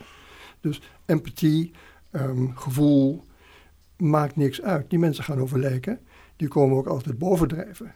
De top in de bedrijfswereld zijn meestal mensen die lichtelijk psychopaat of op zijn minst narcistisch zijn. En dan komen ze bovendrijven. En dat hebben ze gedaan door, door hun geweten uit te schakelen, over lijken te gaan. En dan kom je boven en dan doe je het goed. Ja. Die mensen die, hebben, die gaan nou, s'avonds naar bed en die hebben, ze hebben nergens, nergens last van. Maar het is dus zeg maar dan het systeem wat het mogelijk maakt om die psychopaten naar boven te laten klimmen. Want je zou dan zeg maar ook in een wereld die geleid wordt door goedheid een systeem maken waarbij psychopaten moeilijker naar de top kunnen. Maar als je een multinational moet leiden, Ja, dan ja. kom je vanzelf bovendrijven. Want al die mensen die wel empathie hebben en die niet over lijken gaan, Ehm, Die werken niet in het financieel belang, zeg die maar. werken dan niet in het financieel belang voor Ja. de aandeelhouders, maar voor het belang van het bedrijf. Dus Ja, dat is dan toch het systeem wat we op hebben gezet. Ja. ik denk het wel.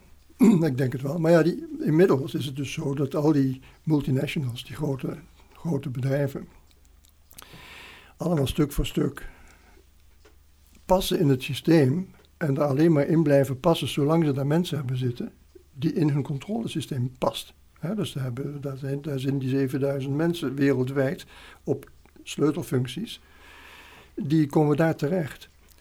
En dan doe je mee. En dat doe je al gauw, omdat je toch je geweten hebt uitgeschakeld. Hm. En dan, dan, dan ga je mee met het narratief, met het verhaal. Dan doe je dat. Is het niet eh, ook misschien eh, dat mensen in een bepaalde ban worden gehouden? Ja, dat, dat heb je dan wel. Je hebt, je hebt natuurlijk een stukje individuele verantwoordelijkheid. Maar ik kan me ook, eh, eh, als het zeg maar zo generatie op generatie is, hè, je wordt het door je ouders geleerd, je omgeving doet dat, jij doet gewoon hetzelfde. Eh er knaagt misschien een gevoel van, eh, van, van knaagt een gevoel van dat het niet goed is, zeg maar, aan je. Maar je kan het niet plaatsen waar dat dan precies zit, want je doet alles goed in het leven. Want hoe, hoeveel, hoeveel psychopaten kan jij? Je zegt het zijn er maar 7000. Nou nee, wacht even. Ongeveer 2% van Oh, de mensheid is een psychopaat. eh. kan- zou je kunnen eh, eh, etiketteren als psychopaat. ja. Of op zijn minst narcist. Ehm, ik heb begrepen dat je als psychopaat wordt geboren. En dan ben je vanzelf ook al heel gauw narcist. Maar je hoeft niet als psychopaat geboren te zijn om in je leven narcist te worden. Mm. Dus dat kan. Maar op een gegeven moment dan ehm, Als je gecorrumpeerd wordt door geld en eh, roem en dat soort kunnen er dingen, dingen in je leven eh, worden, gebeuren. eh, je gaat erin mee of je gaat er niet in mee. En, en, maar ik denk dat de meeste mensen die een normaal wereldvisie hebben, niet denken aan het feit dat je te maken hebt met een psychopaat. Want die psychopaten die kunnen zich heel netjes presenteren alsof ze een van ons zijn. ja. Ja. Ze kunnen zich heel goed profileren en neerzetten als zijnde je buurman. Maar ondertussen spelen ze een andere rol. Mm. En ehm, wij vergeten, denk ik, als wij gewoon ons dagelijks leven leiden, dat die mensen er zijn. En dan ga je zeggen van ja, maar zo slecht zijn mensen toch niet. En ehm, dat hele, dat hele, eh, dat hele verhaal van dat wij dus nu zouden worden overgenomen en gemanaged en dat wij te maken krijgen met een one world regering en zo is niet, eh, maar dat kan toch niet, zo slecht zijn mensen toch niet? Ja, zo slecht zijn ze wel. Ja. Maar het zijn niet de mensen die denken zoals jij en ik. Het zijn andere mensen die, Maar is het dan zo dat wij ons laten regeren door psychopaten? tuurlijk. Want, want hoe zou dit in de middeleeuwen zijn, zeg maar, voor al die bankaire gebeuren? Waren dan de, de koningen en eh, de, de, de hoge priesters en eh, alle mensen die ontzag hadden binnen eh, de community, waren dat dan ook psychopaten? Of, Ja, dat weet ik niet precies. Ik denk als, als je koning bent of je wordt geboren als, als prins of prinses, dan heb je je functie. Maar als je dan niet dan was het mazzel of je niet of wel een koning had die psychopathisch was. Dan nou ja, nee, als je 2% niet van de tijd had capabel je... was om een zaakje over te nemen van je, van je eh, dan werd je waarschijnlijk heel snel aan de kant gezet. Mm. Denk ik. Ik weet het niet hoor, dat durf ik niet te zeggen. Dan Maar, zou je zeggen dat de psychopaten dan succes zouden boeken ja, onder de koningen. ja. Nou ja, vrijmetselaarsloges, laten we daar eventjes Ja. over hebben. Ja. Ehm, Adam Weishaupt, die in eh, 1700 zoveel ehm, vanuit zijn vrijmetselaarslodge, wat toen gewoon een, een organisatie was die goede dingen deed voor mensen in de straat. En voor, hè, dus daar was niks verkeerd met vrijmetselarij. En tot op de dag van vandaag, in de onderste lagen, in de, in de drie onderste lagen, de blauwe lodges, is niks verkeerd met de metselarij. Hm. Maar ehm, je kan nu zien wat Adam Weishaupt gedaan heeft. Hij heeft het vrijmetselarij als een dekmantel gebruikt voor zijn, voor zijn daden en voor zijn plannen uit te voeren. En dat gebeurde in een gebied waar, waar je geen visie op die zaak hebt. Dus de vrijmetselarij bestond nog steeds, maar hij gebruikte die vrijmetselarij om van de ene loge naar de andere loge op hoger niveau, andere graden, Hm. ehm, ehm, zijn plannen uit te werken. En op die manier is de Franse Revolutie ooit ontstaan. Hoe heet hij? Adam Weishaupt. Adam Weishaupt. Even kijken, want dat is wel heel interessant inderdaad. eh. Nou, die moet je kunnen vinden. Die is, eh, nou ja. dat is hem. Dat is hem. En die werd opdracht gegeven door de Rothschilds en door de bankiers van toen om hun protocollen uit te werken. Want de bankiers die hadden protocollen bedacht en die zeiden van wij willen ehm, een, een manuscript waarin staat wat wij gaan doen en hoe we het gaan doen. En zij hebben Adam Weishaupt gezegd van eh, jij mag gaan bedenken, op papier zetten en gaan uitvoeren. En ehm, hij gebruikte daar de loges voor. En op die manier is op een gegeven moment ehm, via zijn idee en via zijn plan eh, de loge van Parijs benaderd. En daar is langzaam maar zeker ehm, het plan ontstaan om een voedselschaarste te creëren in Frankrijk. Hm. Door al het, ehm, alle producten van de boeren op te kopen en in een magazijn weg te zetten, zodat het niet bij de mensen kwam. Wat er nu ook gebeurt. ja, klinkt me bekend inderdaad. Ja, Ja. dat klinkt bekend. Het gebeurt dus nu ook. Hoezo geen graan uit Oekraïne? Ja, precies. Ja, precies. En, ehm, en toen bestond een revolutie en de koning kreeg de schuld. En de koning werd gewipt, dus die moest eruit. Hm. En ehm, dat zijn psychopaten die zo'n plan maken. Dat, dat doet, no- doet een normaal mens niet. En tenzij je helemaal geïndoctrineerd bent dat het koningshuis slecht is op een of andere manier. Misschien. Nou, het koningshuis stond de elite in de weg, Ja. snap je? Maar ik heb wel eens na zitten denken over die hele relatie die je hebt in een democratie en in een dictatuur. Als je zeg maar een dictatuur hebt en je hebt één persoon aan de top, die staat constant in het zicht met zijn absolute macht en moet eigenlijk aan de massa constant zijn, zijn verantwoording afleggen. Hè? En dan heb je dus een directe relatie met de massa en deze ene persoon. Maar als jij een, een democratie hebt, terwijl ik, ik, ben geen, ik ben niet vies van democratische processen, maar in een, in een democratische samenleving, waarbij je dus dan schijnbaar Waarom dat de hele tijd gebeurt, weet ik ook niet. Maar misschien is dat wel eh, van een open samenleving een, meer een, eh, een, een eigenschap. Maar dat je dus inderdaad zo'n dikke laag aan, aan mensen die dus inderdaad weten te kapitaliseren op, op, de, op de samenleving. Heb je ook in een dictatuur. Alleen dan wordt die dus in check gehouden door de desbetreffende dictator. Omdat die verantwoording moet afleggen aan het volk. Dus zo'n dictator kan niet een elite groep mensen hebben die het volk aan het uitmelken is. Want dan krijgt de dictator de schuld. Dus die houdt dan die mensen in check. Dat is de relatie dan tussen die drie lagen. Maar als je een democratie hebt, heb je een, uh, uh, een, een, een, vertegenwoordiging in het midden. die dan allerlei ingewikkelde processen doet. om zoveel mogelijk verantwoordelijkheid zo breed mogelijk te schuiven. maar nooit naar één punt toe. En dan wordt die vaak dan ook nog eens een keer. zijn dat allemaal gewoon katvangers, zeg maar. voor, voor, voor, voor een laag die uiteindelijk daadwerkelijk belang erbij heeft. En dus je hebt een hele verkeerde verhouding van, van hoe dus die machtsverhouding hebt. Je hebt een, een, de laag van elite die dus inderdaad de onderste laag uitmelken en de macht hebben. En dan zelf ook inderdaad dat kunnen herarrangeren en eigenlijk kiezen aan wie ze verantwoording afleggen. Want ze hoeven eigenlijk geen verantwoording af te meer te leggen naar beneden. Ze hoeven alleen de benedenste laag in hun band te hebben en te manipuleren zodat ze in die macht blijven. Maar dus als, je dat, als ik dat zo in mijn hoofd denk, denk van zo'n zo'n dictator-massa-relatie... om dan vervolgens die elitaire laag van mensen... die dan uiteindelijk uh, uh, uh, corrupt raakt, zeg maar. Want er is in principe dan, hè, wat je ook zegt, niks mis met elite... als ze zich maar gewoon gedragen, zeg maar. Als ze niet de hele samenleving aan het uitmelken zijn... Ehm, is dan veel gezonder, in mijn optiek, zou je zeggen. Dat klopt wel, maar diezelfde Adam Weishaupt... die had bedacht dat macht in die dagen... werd zichtbaar gemaakt door... Um, um,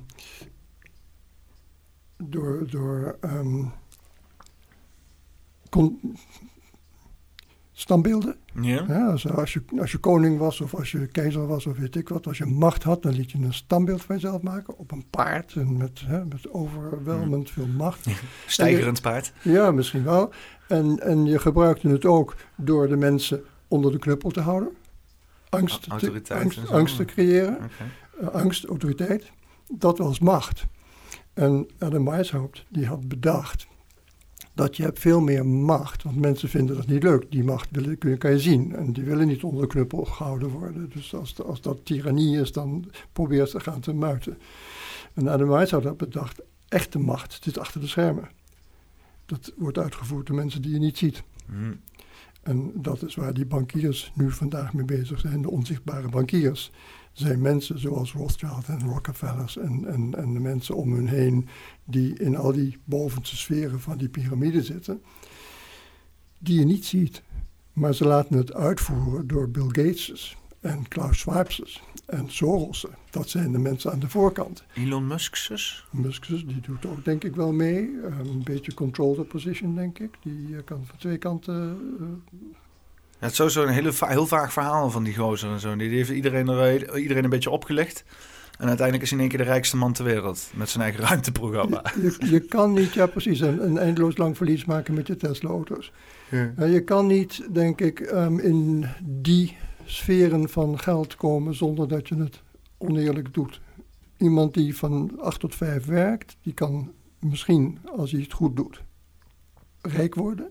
Je kan misschien, als je het goed doet, een bedrijf bouwt en, en verkoopt en inkoopt, weet ik het, je kan een paar keer miljonair worden, voor mijn part. Maar zodra je miljarden hebt, dan moet je gaan afvragen, hoe kom je eraan? Ja. En in dit geval een, uh, de Bill Gateses en de Soros'en en, de, en de, uh, de mensen die wij zien die over zoveel geld beschikken dat ze onuitputtelijk de zaak kunnen ondermijnen overal, die hebben een soort um, bankentap. Die hebben ongelimiteerd geld ter beschikking. Dat is heus geen, geen, geen um, filantropisch instelling. Dat, daar zit heus geen trust die daar uh, dat geld verdient of zo. Er is geen sprake van dat Bill Gates zijn eigen geld daarvoor gebruikt. Mm. Dit is allemaal belastinggeld. Ja. Dat is allemaal geld wat hij gewoon uit de muur trekt. Als hij vandaag 100 miljoen nodig heeft, dan heeft hij het. Ja. En dat komt niet uit zijn eigen potje hoor. En hetzelfde met Soros. En die mensen die, die zijn er aan de voorkant, die zien we. En heel veel mensen denken dat Bill Gates met zijn foundation um, goed werk doet. Uh, door in, weet ik wat, in Afrika alle kindjes plat te spuiten en in India. Maar er zit natuurlijk heel, helemaal geen goed werk achter. Het is filantropisch. Ja. Maar tussen aanhalingstekens. Ja, hij, hij, heeft het, hij heeft het zelf ook op een gegeven moment gezegd, toch? Dat uh, zijn vaccinatiecampagnes een van de beste businessbesluiten is geweest die hij heeft gemaakt. Ja. Dus uh, ja. dat wat betreft filantropie. Ja, ja, ja, precies. Nou ja, zo werken al die, al die,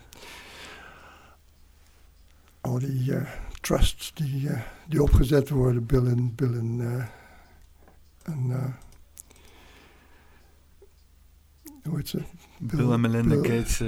Bill en Melinda, nee, maar ik, heb, ik denk even aan, aan Bill Clinton en, oh, en Hillary, Hillary die hebben ook zo'n trust. Daar klopt allemaal helemaal niks van waar die miljoenen vandaan komen en waar ze aan besteed worden.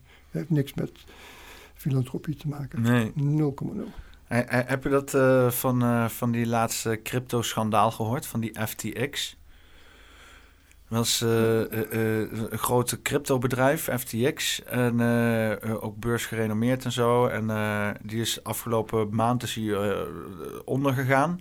Heel hoop geld is gewoon verdwenen. En bleek het eigenlijk een groot schandaal, een grote scam te zijn geweest. Maar dat waren, was een bedrijf dat werd geëndorst door de WEF. Werd uh, uh, door allerlei democraten gebruikt, om, gepromoot. het had banden met Oekraïne. Dat was gewoon een gigantische politieke tool om geld wit te wassen op gigantisch grote schaal. Ja. En het grappige is, dat gebeurt dus tijdens dat die CBDC-debat was. Waar dus inderdaad politici werkelijk vragen van... moeten we niet bang zijn dat criminelen dit gebruiken om te witwassen? En ik denk, jullie zijn de criminelen die dat gebruiken om wit te wassen. Dus waar lul je over, weet je wel? ja. Zo is het er niet anders. Ja. Ja. ja absoluut. Absoluut. Ja. Wil je nog het laatste stopje van de piramide doen? Uh, ja, kunnen we doen. Want dit, dit is heel veel obscuriteit, zeg maar. Want uh, eigenlijk die, die hele... Want dit, is, dit zijn al die NGO's. Uh, ik weet niet of we dat... Ja, het is allemaal obscuur dat wat daar gebeurt. Er is eigenlijk niks, wat, er is eigenlijk niks, nergens daar in die hele top van die piramide... wat ons dient. Dus we hebben het allemaal niet nodig. En dat begint al vanaf de centrale banken, zoals de, de Federal Reserve en de, en de ECB. Um, die staan lager in het verhaal, maar die hebben we niet nodig. NAVO kunnen we ook even erbij pakken. Nadat ehm, in 1991 de Sovjet-Unie uit elkaar viel, na Yeltsin, had de NAVO net zo goed opgedoekt kunnen worden. Er was geen reden meer voor. Er was geen koude oorlog meer. Het was voorbij. Het was voorbij. Maar de blauwhelmen, dat was een soort veiligheid, een, een soort um, um, defensief leger, werd toen vervolgens omgetoverd in een um, offensief, offensief leger, leger. En werd gebruikt in, in, in Libië en in al dat soort landen. En er was niks meer van, van over. Maar dat moest wel, want anders zou de wapenindustrie in elkaar gezakt zijn. En dat is een heel belangrijk hoeksteen in het, in, in, uh, in, in het geld verdienen. Oorlog is big business. Dus de NAVO moest blijven bestaan. Dus die bestaat nu en daar hebben we nu Oekraïne aan te danken. Ja. Want dat is een continu uh, uit, uitvechten van een kwestie van NAVO. NAVO had besloten dat Oekraïne bij de, uh, bij de EU moest komen. Um, en zich ook als NAVO-lid moest, uh, moest aanmelden. Mm. Nou, ze waren niet bij de, bij de vergadering in, in Boekarest, waar dat was toen, om, om daarover te beslissen. En nog de president van Oekraïne, nog um, um, Poetin hadden daar zin in. En Mm. Poetin zei zelfs, ik wil geen NAVO, uh, geen, uh, uh, geen NAVO-ding op mijn, op, op mijn grens hebben. Ja. Dus uh, die heeft gezegd, dat gaat niet gebeuren. En um, nou ja, ze hebben het ge gemanipuleerd en ondermijnd. En ze zijn gaan, uh, gaan frustreren totdat Poetin een keer uh, zeg maar waar, de CIA het beste in is, hè? om dan uh, ja. allerlei operatieven het land in te gaan sturen en gewoon eens een goede oude revolutie te starten en shit. Ja, nou ja, goed. En, en de zoon van Biden uh, in de tijd van dat de Biden vicepresident was onder Obama, Hunter Biden, die heeft alles netjes voorbereid. En die heeft dan met Burisma en zo, dat was inderdaad een energiebedrijf. En ja. die hebben daar die hele gasinfrastructuur daar in controle volgens mij.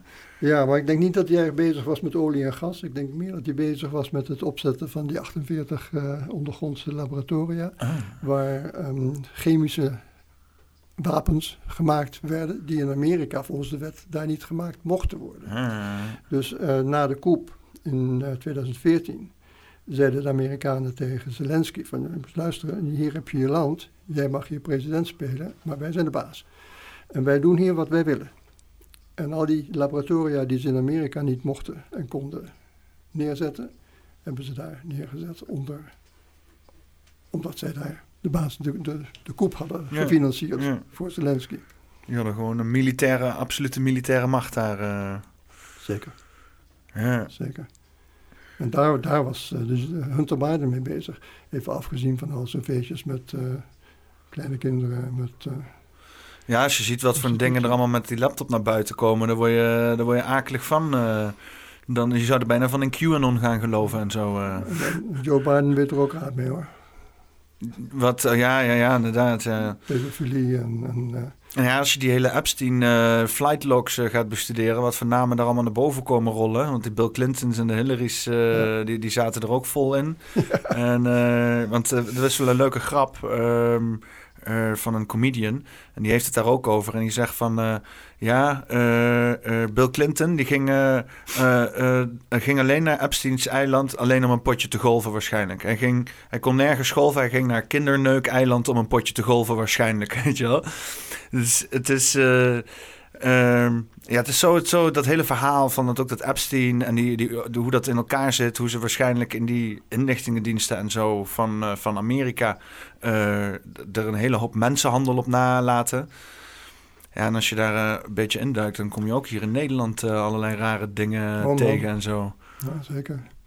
Zeker, en het wordt ook veel gebruikt om mensen daarna te kunnen um, boycotten. Hè? Door, door, je regelt wat, je zorgt dat iemand in een positie komt waar die niet graag in gekomen zou zijn of wil zijn. En uh, wordt vervolgens gefotografeerd. Met of, of, of, juist iets te graag in zou willen zitten. Ja, maar goed, je weet dat je vanaf dat moment dus ook ges, uh, ge, kwetsbaar bent voor, um, voor eventuele sabotage en... Uh, en dan vraag je toch af van waarom staat die laptop van Hunter Biden helemaal vol, helemaal vol met de meest, meest verdoemende shit.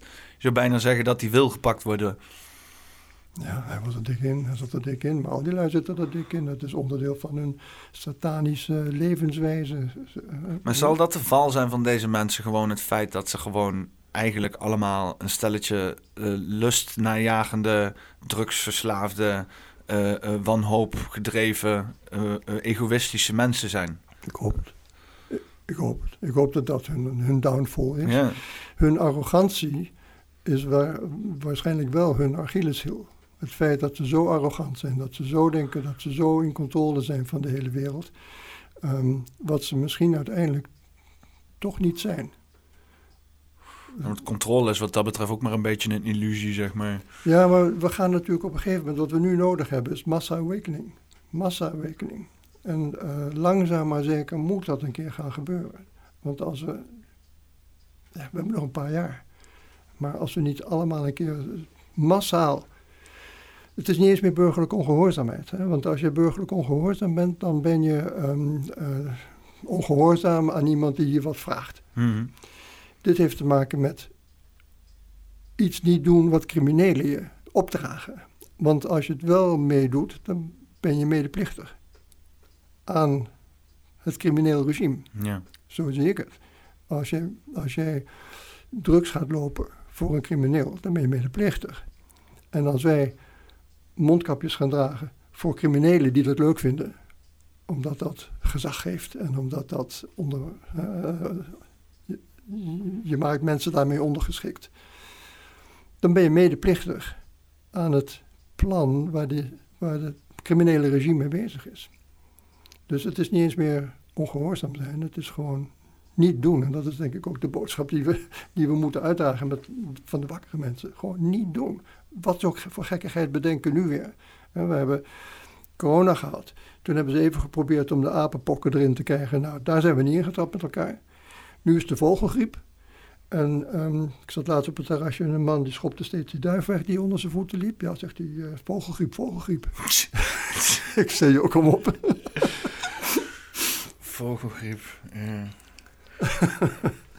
maar zo bang zijn mensen. Ja. Dat is het. Het is bang. Het is uh, regeren vanuit een positie van angst. En, en het is ook die hele nihilisme en zo is er ook ingeslopen. Waarbij mensen ook gewoon zeggen van het leven is random en je hebt er geen controle over. En mensen moeten maar atheïstisch zijn en uh, nergens in geloven en alleen maar spulletjes blijven kopen. En dan, uh, dan ben je een goede burger. Uh, werk aan je mentale ziektes. Want wat je denkt is, en wat je zegt, dat klopt allemaal niet. Dat soort, dat soort ja, dat is nu, dat viert hoogtij. Ik, dat is mijn hele leven waar ik ben opgegroeid. En ik zie dat niet minder worden, zeg maar ook. Dus ik, ik, ik vraag me ook wel af, moet het niet ergens een keer eerst gewoon... En ik weet niet wat dat dan precies inhoudt hoor, maar... Want je zou wel zeggen dat de afgelopen twee jaar dat dat al gruwelijk fout is gegaan. Dus misschien. Maar ja, dat, gewoon, want ook met die CBDC, ik zie niet, ik zie geen opstand komen. Ik zie niet uh, de, de hoeveelheid, hoe, de, hoe groot het is, hoeveel instituten er meedoen, de alomvattendheid, de massa die gewoon niet ontkomt aan dat narratief wat hun gaan voeren. En uh, de mensen die het wel zien, hoe structureel die constant worden weggezet als ja, tegenwoordig gewoon gevaarlijk, joh. Dat, dat, daar schrik ik echt van. Dat ze gewoon willen zeggen van ja, complotdenkers zijn staatsgevaarlijk en misschien potentieel terroristen. Hè? Want het NCTV heeft een onderzoek eruit gedaan. Waarbij ze even flink uh, zijn gegaan over complotdenkers. Waarbij ze zo vriendelijk zijn geweest, genuanceerd te zeggen: niet alle complotdenkers zijn potentiële terroristen. ik van wat? Dus, uh, uh, ik, ik, ik vraag me af of, of het niet eerst eens fout moet gaan op een of andere manier. Wat het dan betekent, weet ik niet per se, maar... Het is goed aan het fout gaan. En we zijn er nog lang niet uit. En ik denk dat wat wij doen, jij op jouw manier, ik op mijn manier, niks doen is geen optie. Nee. En met elkaar moeten we elkaar ondersteunen en elkaar ehm, ehm, zorgen dat we een, een, een eiland van bewustheid groter maken steeds meer mensen aantrekken in, in, ons, in onze wereld van wat wij denken dat de waarheid is. In dit geval, uh, de onderdrukking is een richting die we niet willen. Nee. En uh, wij worden onderdrukt door mensen die behoorlijk satanisch bezig zijn. Ja.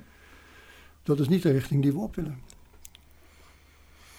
Want uh, je bent er op de hoogte van de Great Awakening en zo, hè? Eh, Ik zat laatst eens te kijken, want het gaat dan over, eh, over de shift van eh, hè, astrologische eh, ehm, eh, bewegingen. En gaan dan van het vissen-tijdperk naar het Aquarius-tijdperk. Ja, vijfde dimensie zeggen ze dan. Ja, ja, ja. Ik vind het ook wel, ik ben zelf ook helemaal in de multidimensionale dingen en zo. Alleen het, het, zijn, het worden heel snel buzzwords allemaal, hè. Ja. Maar ehm, eh, waar ik dan, ik had laten eens kijken, iets dieper in de astrologie, want ik ben er zelf ook niet echt een koning in. Maar dat dus inderdaad bepaalde sterrenbeelden ook een, een, een, een verbinding hebben met een planeet. Ja. En blijkt dus dat de sterrenbeeld Waterman een verbinding is aan de planeet Saturnus.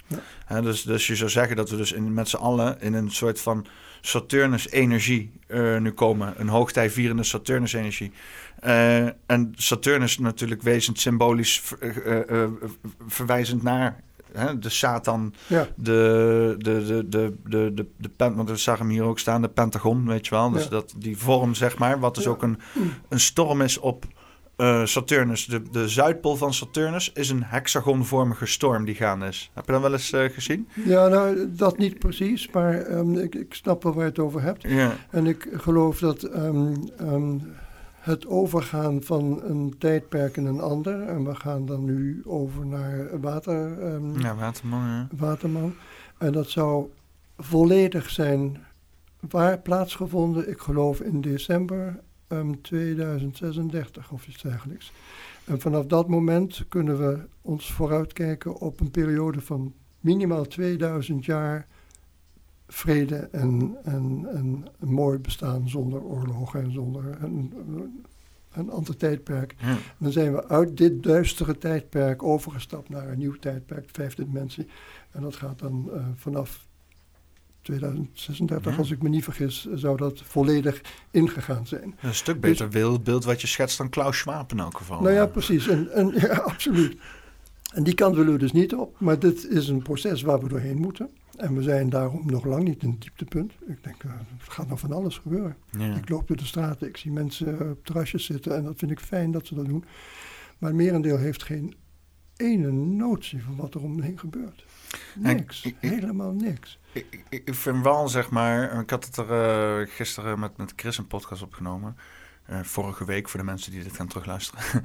Ehm, eh, waarbij we ook zeiden van, van heel veel mensen die zich dit niet beseffen... die niet zeg maar echt zien hoe de wereld in elkaar zit... en maar in dat naïeve wieletje draaien van succes en imago... en geld verdienen en dat soort dingen... dat eh, die mensen heel vatbaar zijn voor slechte voorspoed. Omdat die straks vastlopen als dit systeem ook vastloopt. Terwijl als je daar buiten zet, als je dus inderdaad gewoon eh, mentaal en zover mogelijk, hoe fysieker, hoe beter, ook buiten dat systeem bent en onaf- onafhankelijk daarvan bent, dat je daar gewoon veel minder last van gaat ervaren. Dat je er een soort van als bijstander bij kan gaan kijken. En natuurlijk wel ja, moet zien wat voor een menselijk leed het aan gaat eh, brengen bij al die mensen die onwetend zijn. Denk je, denk je, ik denk ook dat we zeg maar, want ik hoor heel veel mensen hoor ik een beetje beetje rancuneus zijn richting mensen die het niet zien of zo, weet je wel. Een beetje ook neerbuigend en zo. Ehm, denk je dat we ook zeg maar gewoon die komende tijd als mensen en dan mensen die dan wel hè, een beetje een soort van eh, niet, niet, niet, om, niet omdat ik extra christelijk wil doen of zo, maar een beetje vergiffenis naar elkaar proberen te hebben, zeg maar. En ook begrip, niet alleen maar naar mensen die eh, eh, eh, anders denkend zijn, maar ook naar mensen die juist vastzitten in het systeem. Dat dat. Heb jij dat een beetje? Heb jij begrip voor mensen die vastzitten in het systeem? Helemaal wel, zeker weten. Want eh, ik vind daarin het, eh, de quote van eh, Robert Kennedy Jr.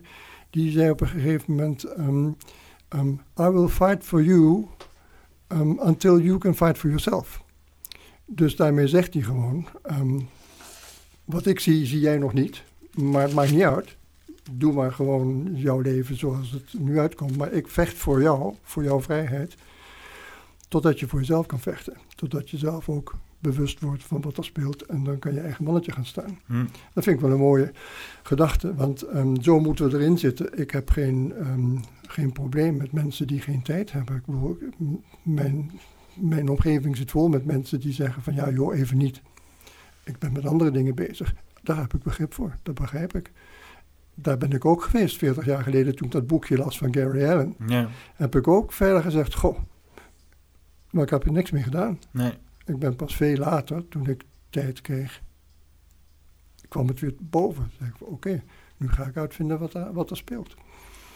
Dus ehm, iedereen die in dit stadium van zijn leven, en met name jonge mensen, ik begrijp heel goed, die willen dit niet. Ze willen, ze willen het niet. Ze willen leuk leven. Ja. Ze willen andere dingen doen. Je wil niet uitgesloten worden uit de bar, uit de kroeg, terwijl je maten daar zitten omdat, je- omdat jij niet gevaccineerd bent of omdat jij geen, geen QR-code hebt. Die kant wil je niet op. Dus daar wil je ook helemaal niet aan denken, wil je niet mee bezig zijn. Maar ondertussen gebeurt het wel. Ja. Ja, je wil een leuk leven. Je zou ook, eh, je- zou ook toch ook eh, wat meer... Want dat is wel een beetje wat volgens mij... Met, want wat ik ook nooit op school heb meegekregen... Behalve dan maatschappelijke waarden of zo. Maar dat, ik weet niet, het is altijd zo... Het zijn altijd maar gewoon een setje regels of zo, weet je. Nooit echt iets dat ik dacht van... Ja, ja, zo zou het leven in elkaar moeten, zien, eh, moeten zijn of zo. Eh, ze moeten zitten. Ehm, maar dat je dus inderdaad ook, ook, ook op scholen of zo gewoon, gewoon eh, kinderen wat meer laat nadenken over, over wat het is en, en waar we zitten en waar we zijn. En je hebt nu wel heel veel van die, van die scholen die dus inderdaad, eh, van die initiatieven van ouders die dan inderdaad hun kinderen zelf gaan onderwijzen. Ik vind dat heel mooi. Kost inderdaad heel veel tijd. Want je zegt van je bent pas gaan onderzoeken als je de tijd voor hebt gekregen. Mm. Weet je wel? Hoe, hoe, zo, hoe, hoe zou je tijd kunnen krijgen? Eh, want ik heb zeg maar uit die pandemie heb ik zeg maar mezelf in een gunstige situatie geweten te wurmen waarbij ik wat meer tijd kreeg. Eh, omdat ik daar ook al heel lang naar op zoek was. Maar Maar dan moet je nog steeds willen, dan moet je nog steeds willen ehm, ehm, investeren in, in deze materie. Ja, want als deze materie je verder niet boeit, dan ga je toch andere dingen doen. Dan ga je puzzeltjes leggen of weet ik wat, want de materie moet je wel een beetje bezighouden. is ook een mooi puzzel dit. Ja. Ja, nou ja, goed, deze puzzel heeft voor mij gewerkt. Ja, nou, het is sowieso, eh, als je het gaat over. eh, hè, want ja, hè, eh, eh, ik, ik, ik ga het even een beetje onderbiedig zeggen. Als het gaat over de complottheorieën, vind ik eh, dit altijd de moeder van, zeg maar. Omdat alles wat daarnaast is, als het gaat over religie of cultuur of maatschappij. Want in principe alles wat in deze piramide staat, dat, dat, dat verdient zijn eigen complottheorie wat dat betreft. Meerdere. Als het gaat over Hollywood. als je ziet wat voor een complottheorieën daar door de jaren over zijn eh, eh, naar buiten gebracht. En wat daarvan ook nog eens een keer waar bleek te zijn. Eh, dat, is, dat, is, dat, is, dat, is, meer van waar als dat er... sterker nog, er lijken zelfs nog dingen niet vertaald te zijn... die er ook gewoon nog andere... Hè, de hele term Hollywood is al gewoon... Het verwijst naar een of andere eh, magisch stuk hout... die door druides werd gebruikt in de, in de middeleeuwen, zeg maar... om mensen te betoveren. Dus die hele op, opzet van Hollywood is altijd geweest... om mensen in een, in een spreuk te houden... en, en, en ze te, te kunnen beïnvloeden. Eh, eh, maar, maar ja, dat, dat, is, dat is allemaal nog... En dat is, als je dan inderdaad gaat over die Bilderberg-groep en, en, en eh, ook die grote bedrijven, eh, eh, los van alle media en inderdaad nu ook met, met, met de landbouw, Bill Gates die alle landbouw aan het opkopen is. En de, de, eh, eh, ehm, dit is zeg maar de alomvattende. Maar ik denk mensen die echt bij het begin willen beginnen, dan moet je echt beginnen met alle, met alle aparte facetten. En elke keer duik je weer in een nieuwe konijnenhol, zeg maar, van ook heel veel onzin, wat je ook zei. Er staat ook heel veel onzin in. Want ik heb het echt idee dat mensen met alle obscuriteit die er gaande is, juist expres rare verhalen bij zitten te pompen. Zodat dan, ja, als er dan ergens een waarheid staat, kan je zeggen, ja, maar dat is alleen maar rare verhalen. Dus dan is die ene waarheid ook Ja. niet waar. Dus Ik denk, ik denk als mensen beginnen met te begrijpen dat de verkiezingen meestal allemaal al gerigged zijn, of voor de gek, ge- hè, dus eh, niet, niet juist zijn, ook in Nederland. Ja, want nog steeds dat ik tegen mensen, met mensen praat over het feit dat de verkiezingen van eh, Joe Biden, of eh, liever gezegd dat Trump de verkiezingen verloren zou hebben, terwijl hij 75% van de stemmen in zijn zak had. Hm. Dat kan niet, zeggen ze dan. En eh, dat gebeurt daar misschien wel, maar dan hoe dan ook niet in Nederland. Nou, in Nederland is dat net zo. Dus als we daarmee beginnen, dat we allemaal beseffen dat we te maken hebben met corrupte verkiezingssystemen, dat we wel kunnen stemmen, maar dat we toch niet krijgen wat ons past, maar dat er achter de schermen wordt bepaald wat er gaat gebeuren. Maar wat, Daar moeten we beginnen. wat, wat zegt dat dan over een... eh, want dat heb je dus. Eh, ik had het dan ook al. Hè, vooral in- toen de FVD, VVD won, denk ik van ja, dat steekt toch in helemaal na inderdaad alles wat er in Amerika was gebeurd. En ik ben toen ook even op een uh, zoektocht gegaan naar OSV 2020. Is zeg maar het uh, digitaal stemprogramma wat uh, alle analoge stemmen cureert en dan vervolgens digitaal invoert in een database. Dat is OSV 2020 en dat wordt dan gekeurd door een van de bedrijven dat ook regelmatig de D66 doneert, donaties doet, weet je wel. Dus er zit ook al allemaal shady shit te vinden. Maar um, um, dan alsnog heb je dan nu de, de FVD en dan inderdaad wat je zegt, een Papijn van Houwelingen en een uh, Gideon van Meijer, die dus allemaal raken klappen uitdeelt in de Tweede Kamer. Denk ik van, is er dan toch, is er dan toch geen volledige controle? Uh, uh, en kunnen ze het alleen manipuleren tot op een bepaalde hoogte? Of is dit dan juist, juist volledige controle? Dat ze dit allemaal uit hebben gedokterd en dachten van, oh, we moeten hier wat uh, ja, gecontroleerde oppositie. Een beetje repressieve tolerantie moeten we gaan, uh, gaan implementeren. Want anders uh, hebben, dan, dan breekt, dan Ja. hebben we het straks niet meer in controle of zo of zoiets. Ja. Dat, is, dat, dat is wel wat er altijd door mijn hoofd heen gaat. Ja, nou ja, maar Gideon van Meijer en Pepijn van Houweling... die kunnen ontzettende goede um, um, debatten voeren. En vervolgens denk ik, jongen, jongen, dat is goed, dat is sterk. Laat ik dat nou eens delen met iemand. En dan breng ik dat onder de aandacht van iemand. En dan zeggen ze, jawel, zeggen ze dan... Maar dat is Forum voor Democratie. Ik Ja, zeg, ja, ja, dat, dat zijn-. Dat zijn Ja. fascisten. Ja, en dan, omdat het Forum voor Democratie is, is al voldoende reden om er verder niet naar te kijken. Ja. Want, ja, maar ja, hè, Maar de PVV had dat eerst ook.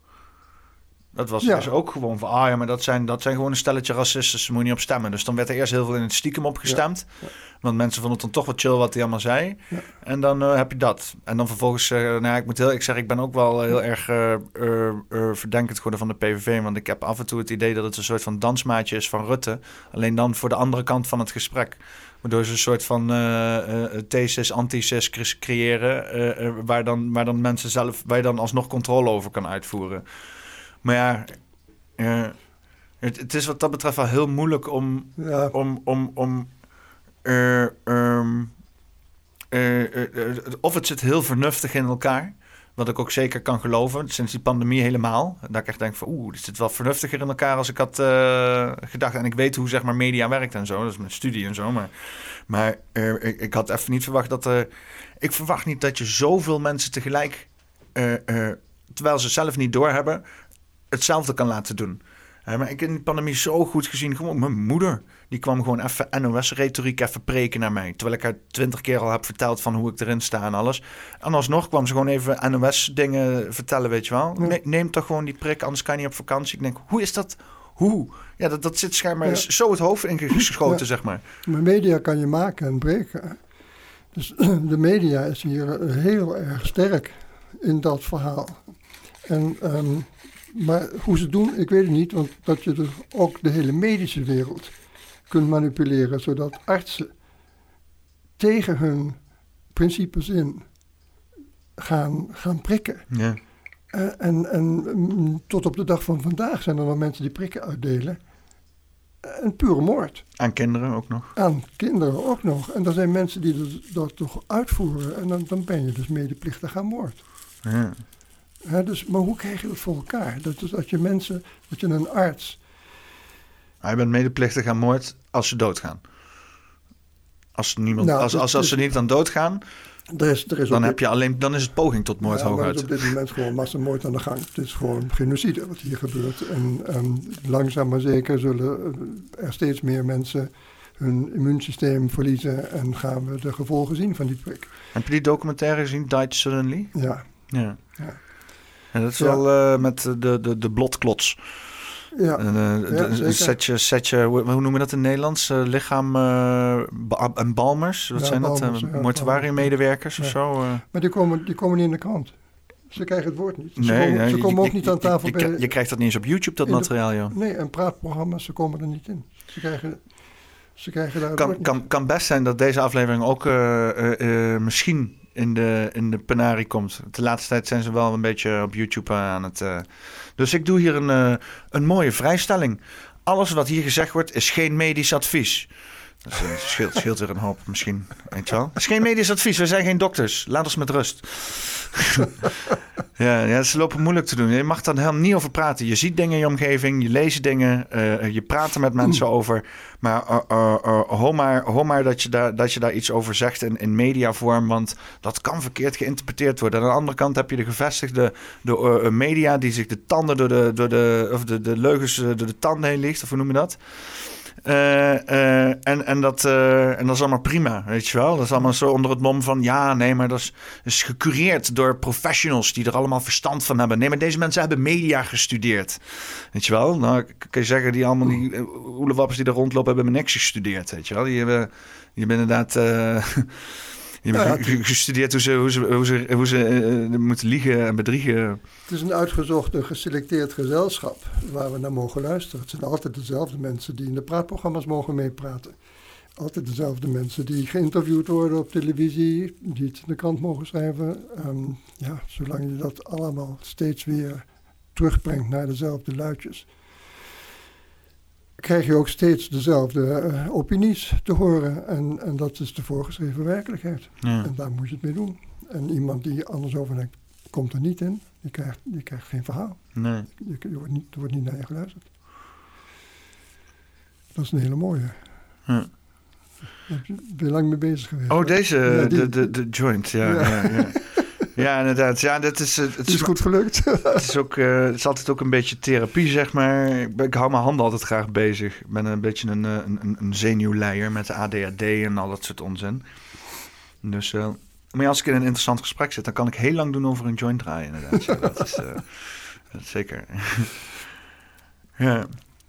Nou, heb, je nog, uh, heb, je er nog, uh, heb je nog iets zo, uh, zo aan te vullen? Of wil je er nog iets, iets nieuws bij, bij halen? Want heb je, hoe, zit het zo? Heb je, nee, ik denk, ik denk... Gaat het goed verder trouwens? Ben, leef je nog zo? We zijn anderhalf uur aan het podcasten. Dus, ja, ja, is het zo lang? Ik heb, ik heb gisteren, nee, ik heb gisteren heb ik, een podcast van zeven uur opgenomen. Ja.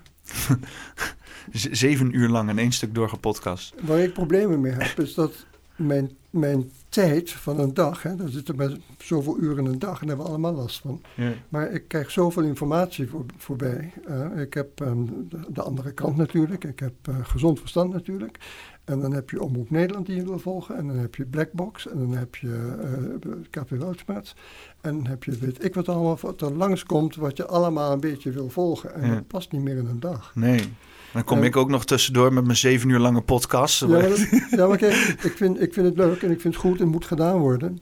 Maar ik heb nooit tijd om zeven uur te gaan zitten luisteren naar zo'n ding. En als dit, ons gesprek nu al anderhalf uur is, dan denk ik, ja, hoeveel mensen gaan dit uitluisteren? Ja. Dat heb ik, ja, ik weet niet, misschien uh, heb jij daar ervaring mee? Ja, ja, ja, nee, ja ik krijg cijfers terug. Hè. Het zijn ja. altijd toch wel uh, uh, uh, 500 tot 1000 man die het vrijwel van begin tot eind luisteren, zeg maar. Ja? Meestal niet in één zitting. Ja, je hebt dus inderdaad ruwe weergaves, pure weergaves en weergaven per persoon. en je, meestal heb je drie keer zoveel weergaves als personen. Die het kijken. Dus dan filmpjes die uh, tikken bijvoorbeeld de 3000 aan, dan heb je eigenlijk duizend mensen die het dan kijken. Alleen dan drie keer, zeg maar. Heel grof weggenomen. Dus, uh, maar wel helemaal. Maar wel helemaal, inderdaad, ja. ja. Of ja. het zijn dan inderdaad drie losse personen en die hebben een stukje ervan gezien. Ja. dat gebeurt dan ook, dat mensen 20 minuten kijken zo. En het is ook niet integer, want je kan niet iedereen perfect trekken. Dus het is allemaal een beetje een weergave. Maar er zijn een grote getale mensen die gewoon echt helemaal luisteren. En helemaal op YouTube is één ding, want ik kijk het ook altijd gezamenlijk terug met iedereen. Dan gaan we in de chat zitten en zo, dus dan maken we een gezellige avond van, zeg maar. Maar je hebt ook gewoon op de podcastvorm dat mensen gewoon opzetten als ze whatever aan het doen zijn. En dan, ja, dan is zo drie, vier uur voorbij, zeg maar. Ja. Ik ken dat zelf ook. Ik heb ook Joe Rogan podcast, maar ik ook wel eens drie uur lange podcast. Ja, je zet het op, gaat een beetje werken. Het is net alsof je lekker uh, bij de jongens bent aan het chillen en zo. Ik ben altijd blij als ik dingetjes voorbij zie komen. Oh, dat is met 10 minuten of zo. Ja, dus ja. kan ik gauw even, kan ik gauw even meepikken. Ja. Mm. Ah, weer met deze. Nou, het is misschien ook wel goed. Ik moet ook wel meer tijd steken in mm, iets kortere content maken. Ik heb ook een YouTube Clips kanaal, inderdaad. En dan maak ik dan 20 minuten lange films van. Maar dat is eigenlijk ja. misschien dan alsnog te lang, Ja. te lang zeg maar. Ja. Dus, uh, maar ja, dat is wel... Maar het is altijd veel werk, hè. Dus, uh, want ik klets het er nu zo uit. En dan is het gewoon wat het is. En dan kan ik het online gooien. Dat is ideaal. Ja.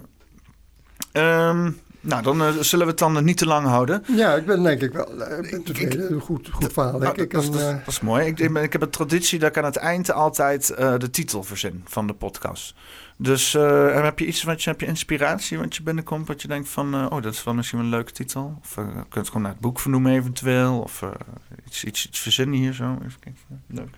Nou ja, iets met bizar, want het is natuurlijk een ah, bizar gesprek. Dit, bizar. Ook, ook, dit gesprek hadden we natuurlijk, had nooit gebeuren mogen. In de normale wereld was het ook niet gebeurd. En het is geen normale wereld en daarom zijn wij, jij bent bezig met jouw ding, ik bezig met mijn ding en allemaal hebben we initiatieven. En ik uh, vind het fantastisch dat we dat op een gegeven moment allemaal bij elkaar harken en zeggen: jongens, hier hebben we een hele club mensen bij elkaar die, uh, die gezamenlijk een beter Nederland voor elkaar gaan boksen uiteindelijk. En we moeten van die club in Den Haag af, dat is voor sure. Ja, het is iets van uh, mm. um, bizarre gebeurtenissen noemen. En met Lucas. Uh. Ja, ja. Nou, gebruik, doe maar iets met bizar. Dat vind ik wel leuk, want uh, sommige mensen kennen mij ook uh, als bizar. Als ik bij een bijeenkomst ben of zo, dan laat, laat, ik nog wel eens een keer een, een, kaartje zien. Daar staat het plaatje op. En dan, oh ja, ja, dat boek heb ik gelezen. Dat is bizar. ik ken dus wel als bizar, niet zozeer als Lucas Hollert. Dus, uh... ik, ik, ik, ik, dan maak het van de titel B. Izarre gebeurtenissen. Of zoiets. Een bizar gesprek. Bizar gesprek? Ja? Een bizar gesprek? Ja. Met Lucas uh, uh, Holt. Sorry, Holt. Ik, ben, ik, ben, zo slecht in namen. Het is af en toe beschamend gewoon. Uh, Lucas Holt. Lucas? Hollert. Hollert, inderdaad. Ja. Dan, dan is dit poppenkast nummer 96. bizarre, een bizar gesprek met Lucas Hollert. Dankjewel. Hartstikke mooi, dankjewel. Got no word, got no mind. Got